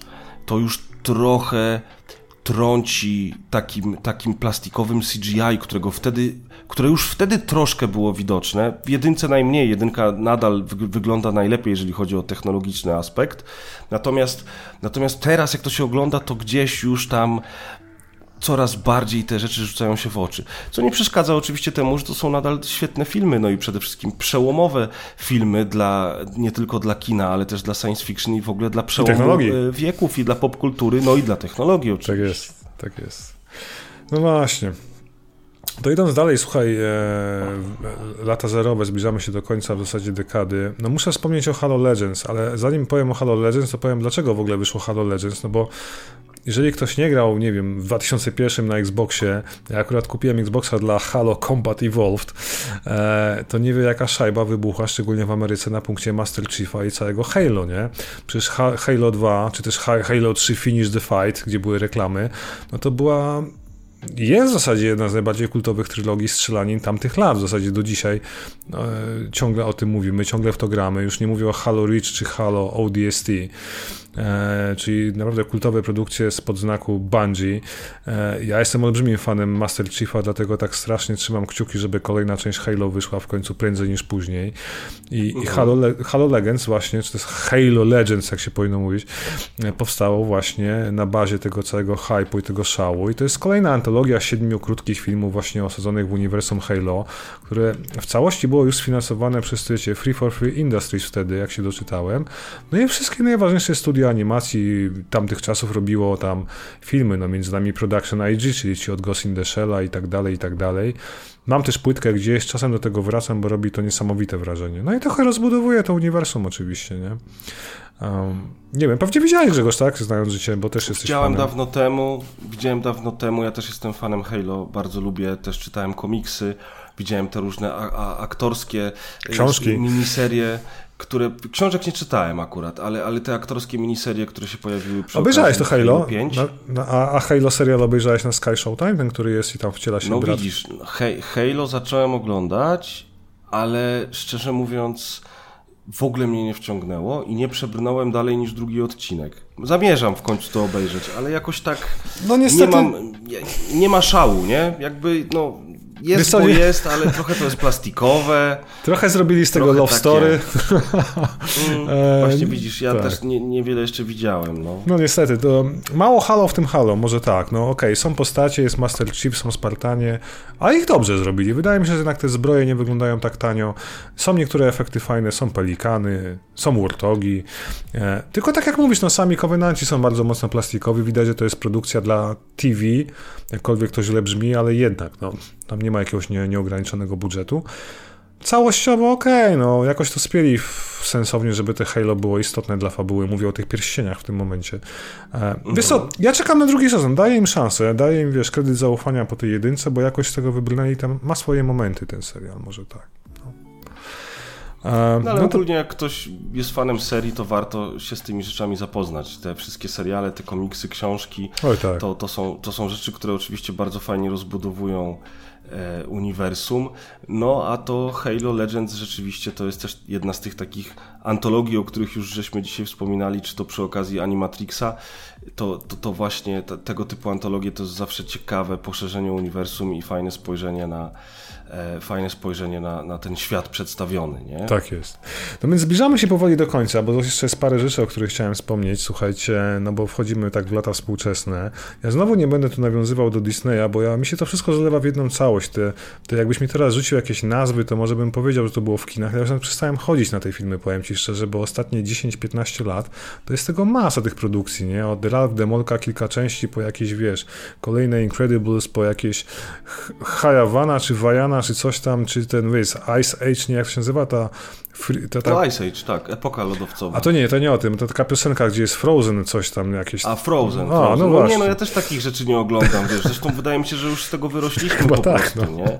Zaczęliśmy od, jednak od filmów animowanych naszego dzieciństwa, a przeszliśmy teraz do Chyba na tym skończymy. Filmów, które tak, które wiesz, które już po prostu kompletnie nas ominęły, bo to już nie, nie, nie, nie my byliśmy targetem. Dokładnie tak, więc ja ci powiem, że tak ostatnio jak patrzę, co ja oglądam, to na pewno wiadomo, Miłość Śmierci Roboty, bo to jest taka jedna z tych ważniejszych rzeczy, która pojawiła się parę lat temu w Eterze. To jest na pewno, o tutaj gorąco polecam Star Wars Visions, dwa sezony, właśnie antologie krótkich animacji osadzonych w świecie Gwiezdnych Wojen, właśnie też stworzone przez różne studia ze, z całego świata na bazie różnych technik animacji, grafiki. Nie wiem, czy miałeś okazję zobaczyć Visions. Nie miałem okazji zobaczyć, dlatego że jestem w trakcie oglądania po raz pierwszy w ogóle całego Clone Wars, o. tego właśnie, które nadzorował Dave Filoni. Jestem w połowie tego, czeka na mnie jeszcze Rebels, e, więc kiedyś na pewno do tej antologii... A będziesz oglądał te? E, Bad Buff, jak oni się nazywają? To tych... E... The, the, Bad Batch, tak, Ta, batch. tak, na pewno będę oglądał, ale to też chcę obejrzeć już jak obejrzę Clone Wars, okay. więc, więc jakby trochę czasu jeszcze zanim do tego wszystkiego dotrę, no bo wiesz, tak jak już dzisiaj wspominałeś wielokrotnie, tyle jest rzeczy na głowie, no tak. dorosłe życie plus hobby, plus cała reszta, żeby plus gry. znaleźć czas na to wszystko. No tak, no wiesz, znaleźć czas na to wszystko, to, to, to, to naprawdę trzeba by było albo w ogóle nie pracować i nic innego nie robić, tylko siedzieć w tej popkulturze, albo nie wiem, jakoś znaleźć jakieś kurcze mm, zaklęcie na wydłużenie doby, wiesz, to może wtedy. Powiedziałem, powiedziałem ci, że zostaniemy kiedyś bogatymi youtuberami, to może być dobry cel, ale chociaż patrząc na Pandora Gate, to nie wiem, czy chcę, żeby ktoś mówił o mnie youtuber kiedykolwiek w przyszłości, bo to brzmi obraźliwie, dzisiaj przynajmniej. E, no dobra, wiesz co, na pewno muszę zwrócić uwagę na e, Cyberpunk Edge Runners, który pojawił się na Netflixie i po prostu szturmem zdobył, nie wiem, listy przebojów, prawda? Jeśli chodzi o animację. Wszyscy o tym mówili swego czasu, bo to chyba rok temu było na Netflixie, tak? Coś takiego, nie? Tak, jakoś tak. Ja do tego mhm. potrafię wrócić i powiem, bo strasznie mi się podoba ta historia, no i to, jak to jest zrobione w ogóle, zrealizowane, plus muzyka, plus, plus, plus wszystko jest niesamowite. No Ricky Morty warto wspomnieć, nie? Z takich no, nowoczesnych seriali, które ciągle trwają, które oglądamy. Aktualnie siódmy sezon ruszył na HBO Max, bez głosu Justina Rolanda, jak wiemy, czy jak wiecie, e, bo tam przecież był e, odsunięty od pracy, zerwano z nim współpracę, bo rzekomo został uniewinniony, ale podobno bił swoją partnerkę, czy znęcał się fizycznie, psychicznie nad swoją partnerką. E, I powiem wam szczerze, nie ma różnicy, jeśli chodzi o głosy. Praktycznie w drugim odcinku nie odczułem i na szczęście tej różnicy. E, nie wiem, oglądasz Rick and, Rick and Morty w ogóle? Nie oglądam. Nie, nie oglądam, dlatego się nie wypowiadam. Zacząłem kiedyś i, i, się od tego odbiłem, co jest o tyle dziwne, że ja lubię taki wykręcony no. humor. E, I ogólnie na przykład bardzo podobał mi się humor w, w tej grze twórców Ricka i Mortiego, która nazywa High się... on Life. Nie, nie, wcześniejsza nie. pozycja, mój drogi. Trover saves the universe. Trover saves the universe. Grałem w jarze, słuchaj. Ja po prostu, ja też i sikałem ze śmiechu, tak. naprawdę sikałem ze śmiechu, ale jakoś ten Rick and Morty do mnie nie przemówił, może kiedyś dam szansę, wiesz, tak samo jak jest przecież świetna, kultowa e, bajka Czas na przygodę, Pora na przygodę. No. I Pora na przygodę to też jest coś, co w sumie jest w moich klimatach i jest takie jajcarskie, dziwne i wykręcone. Obejrzałem parę odcinków, ale jakoś też nie miałem potem weny, żeby do tego wrócić wrócić. Także no fak faktycznie tego typu animacji współcześnie powstaje całkiem dużo. Tak, ja w ogóle nie, nie wspomniałem o kultowych Simpsonach, których można w całości zobaczyć na Disneyu. Mamy przecież e, Futuramę, ja też muszę nadrobić ostatnie sezony, zresztą nowy sezon przed lipcu, bo oni zamówili kolejne odcinki. I powiem Ci szczerze, że jest tego, jak tak gadamy, sobie przypominam coraz więcej tytułów dużych rzeczy, które jak usiądziesz, albo South Park, obejrzyj South Parka dzisiaj całego. Tam jest dwadzieścia parę sezonów chyba, nie? No tak. Ja, ja, ja wysiadłem z tego wagonu gdzieś na studiach tak naprawdę, a to było 20 lat temu, Jesus Christ. A to dalej chyba kręcą, tak? Ja nie wiem, ja muszę mnie sprawdzić. Ja też nie wiem, też dawno temu wysiadłem z South Parku, ale swego czasu to było coś. No tak, szczególnie jak leciał na Kanal Plusie i chciało się mieć każdy odcinek nagrany na kasecie, bo nie każdy miał Kanal Plus, nie? Trzeba było bogatego kolegę poprosić, żeby ci nagrał. Między innymi jak Kira i Ghost in the Shell, tak. E, no więc chyba jest tego sporo, tak jak mówisz, gdybyśmy mieli wymieniać wszystkie rzeczy, które chcemy obejrzeć, byśmy siedzieli tu kolejną godzinę, a to chyba nie ma najmniejszego sensu. Ja tylko chciałem... Nie, nie ma. Ja tylko... Bo faktycznie no. Wiesz, też jest, dużo, jest też dużo rzeczy, które teraz, jak teraz się zastanawiam nad tym, jak mówisz, z takich y, współczesnych polecajek, to ja dochodzę do wniosku, że ja chyba w sumie oglądam współcześnie bardzo mało animacji, ale na przykład jakiś czas temu y, leciał serial Castlevania no na Netflixie i to jest takie, takie pomieszanie amerykańskiej kreski z anime i ja bym chciał je tutaj, właśnie mi się to przypomniało, chciałbym je serdecznie polecić wszystkim. Nawet nie ludziom, którzy są fanami Dokładnie. samej Castlevanii growej, bo ja nie jestem na przykład i nie grałem w te gry. Ja też, podpisuję serial... się, nie grałem. tak, a, se, a serial, jest, serial jest jakby takim osobnym dziełem, które broni się jako, jako osobna właśnie produkcja i jest świetny. Jest naprawdę świetny. Teraz nawet wyszedł jakiś spin-off tego serialu Castlevania, więc jeżeli macie Netflixa, to, to, to warto się tym zainteresować. Tak jest. Ja w ogóle tak kończąc ten wątek chciałem wam powiedzieć, że tak. Pamiętajcie o tym, że nowy film Hayao Miyazakiego, czyli Chłopiec i Czapla wychodzi już w grudniu do, w kinach. Zapomniałem wam powiedzieć o Lazarus. Lazarus, czyli chyba Łazarz, tak po polsku, e, od mhm. Shinjiro Watanabe, czyli twórcy Cowboy Bebopa. To nowy cyberpunkowy serial, który w przyszłym roku pojawi się już w eterze. Nie wiem gdzie, ale będzie. Obejrzyjcie trailer Lazarusa muzyka jazzowa, drum and bass, to z czego słynął Cowboy Bebop, tylko tam był głównie jazz, tak? Tutaj będzie więcej właśnie drum and bassu i beatu. No wygląda to kapitalnie, zapowiada się fantastycznie. Pamiętajcie o odświeżonym Makirze, który 15 grudnia ma być grany w multikinach i w Heliosach. I tak jak Grzegorz powiedział, warto rzucić się na bilety, bo to chyba tylko dwa dni będzie grane. I słuchajcie, obejrzałem trailer Onimuszy od Capcomu. Netflix oczywiście o, tworzy... właśnie. No, jakoś, jakoś mm -hmm. miarę świeży temat. I wygląda to kapitalnie, czyli wygląda trochę jak Ghost of Tsushima, jak wiecie, no jak samurajowie w Japonii, no co tu dużo mówić, czyli oni musza. E, ja swoją drogą w ogóle zrobiłem sobie szybkie notatki, bo rzuciłem okiem, co robi dzisiaj Netflix, Netflix jeśli chodzi o, e, jak to się mówi, egranizację e, gier, tak, czyli tak naprawdę, co on kręci, chodzi o animację. Ja się za głowę złapałem, słuchajcie, ja wam tak szybko na jednym wdechu wymienię, na czym oni pracują. Dead Cells, Tomb Raider, Rayman, Watch Dogs, kolejny sezon Arcane, Devil May Cry, Dragon's Age Absolution, też jest trailer już, Dragon's Lair, Gears of War, Splinter Cell, e, jeszcze pewnie oni musza, mówiliśmy przed chwilą, więc ja się za głowę złapałem. A wyszedł jeszcze ten, na Netflixie jest dostępny Captain Blood Dragon and jak to było? Captain Laser Hawken Blood Dragon Remix, czyli e, kreskówka bazująca na Far Cry 3 Blood Dragon, czyli Synthwave 80s, lasery, dinozaury i nie wiadomo co. To już to jest. Już wyszło? Już jest, tak, trzeba zobaczyć. Ja też nie widziałem tego, dopiero właśnie zauważyłem. Więc tego jest tak dużo, słuchajcie, a czeka nas jeszcze tak dużo animacji. To był tylko Netflix, a sporo innych studiów robi inne rzeczy związane też z grami, nie tylko, już nie mówię o animacjach, tak, na które też czekamy. Na koniec, słuchajcie, jedna rzecz, o której w ogóle zapomniałem wam powiedzieć. Nie wiem, czy wiecie, tak zepnę klamrą, jak Grzegorz był rok temu i gadaliśmy o Mad Maxie. Wtedy o tym nie wiedziałem, ale dzisiaj wiem, że w ogóle Mad Max miał powstać, anime miało powstać w świecie Mad Maxa. Generalnie przed premierą Na Drodze Gniewu, czyli Mad Maxa Fury Road z Tomem Hardym w 2015, George Miller już wtedy chciał nakręcić historię o no, taki prequel o losach Furiozy, tej głównej bohaterki, w którą wcielała się wtedy, Boże, przypomnij mi, ta aktorka, był już zapomniałem. Charlie Steron. Charlie Steron, dokładnie.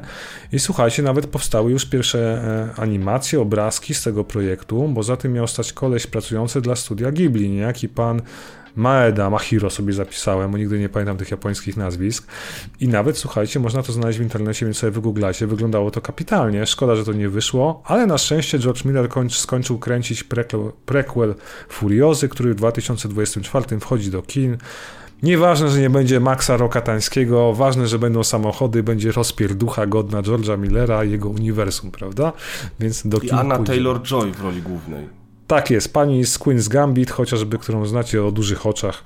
E, zobaczymy. Ja trzymam kciuki, e, niech, niech zagra młodą Furiozę. Grunt, żeby była wielka rozpierducha, ja jestem za. No i co Grzegorzu, tym optymistycznym akcentem chyba będziemy się żegnać i kończyć ten odcinek Starego Gracza. Strasznie tak się cieszę, że udało się nagrać Więc, więc... Ja się również cieszę.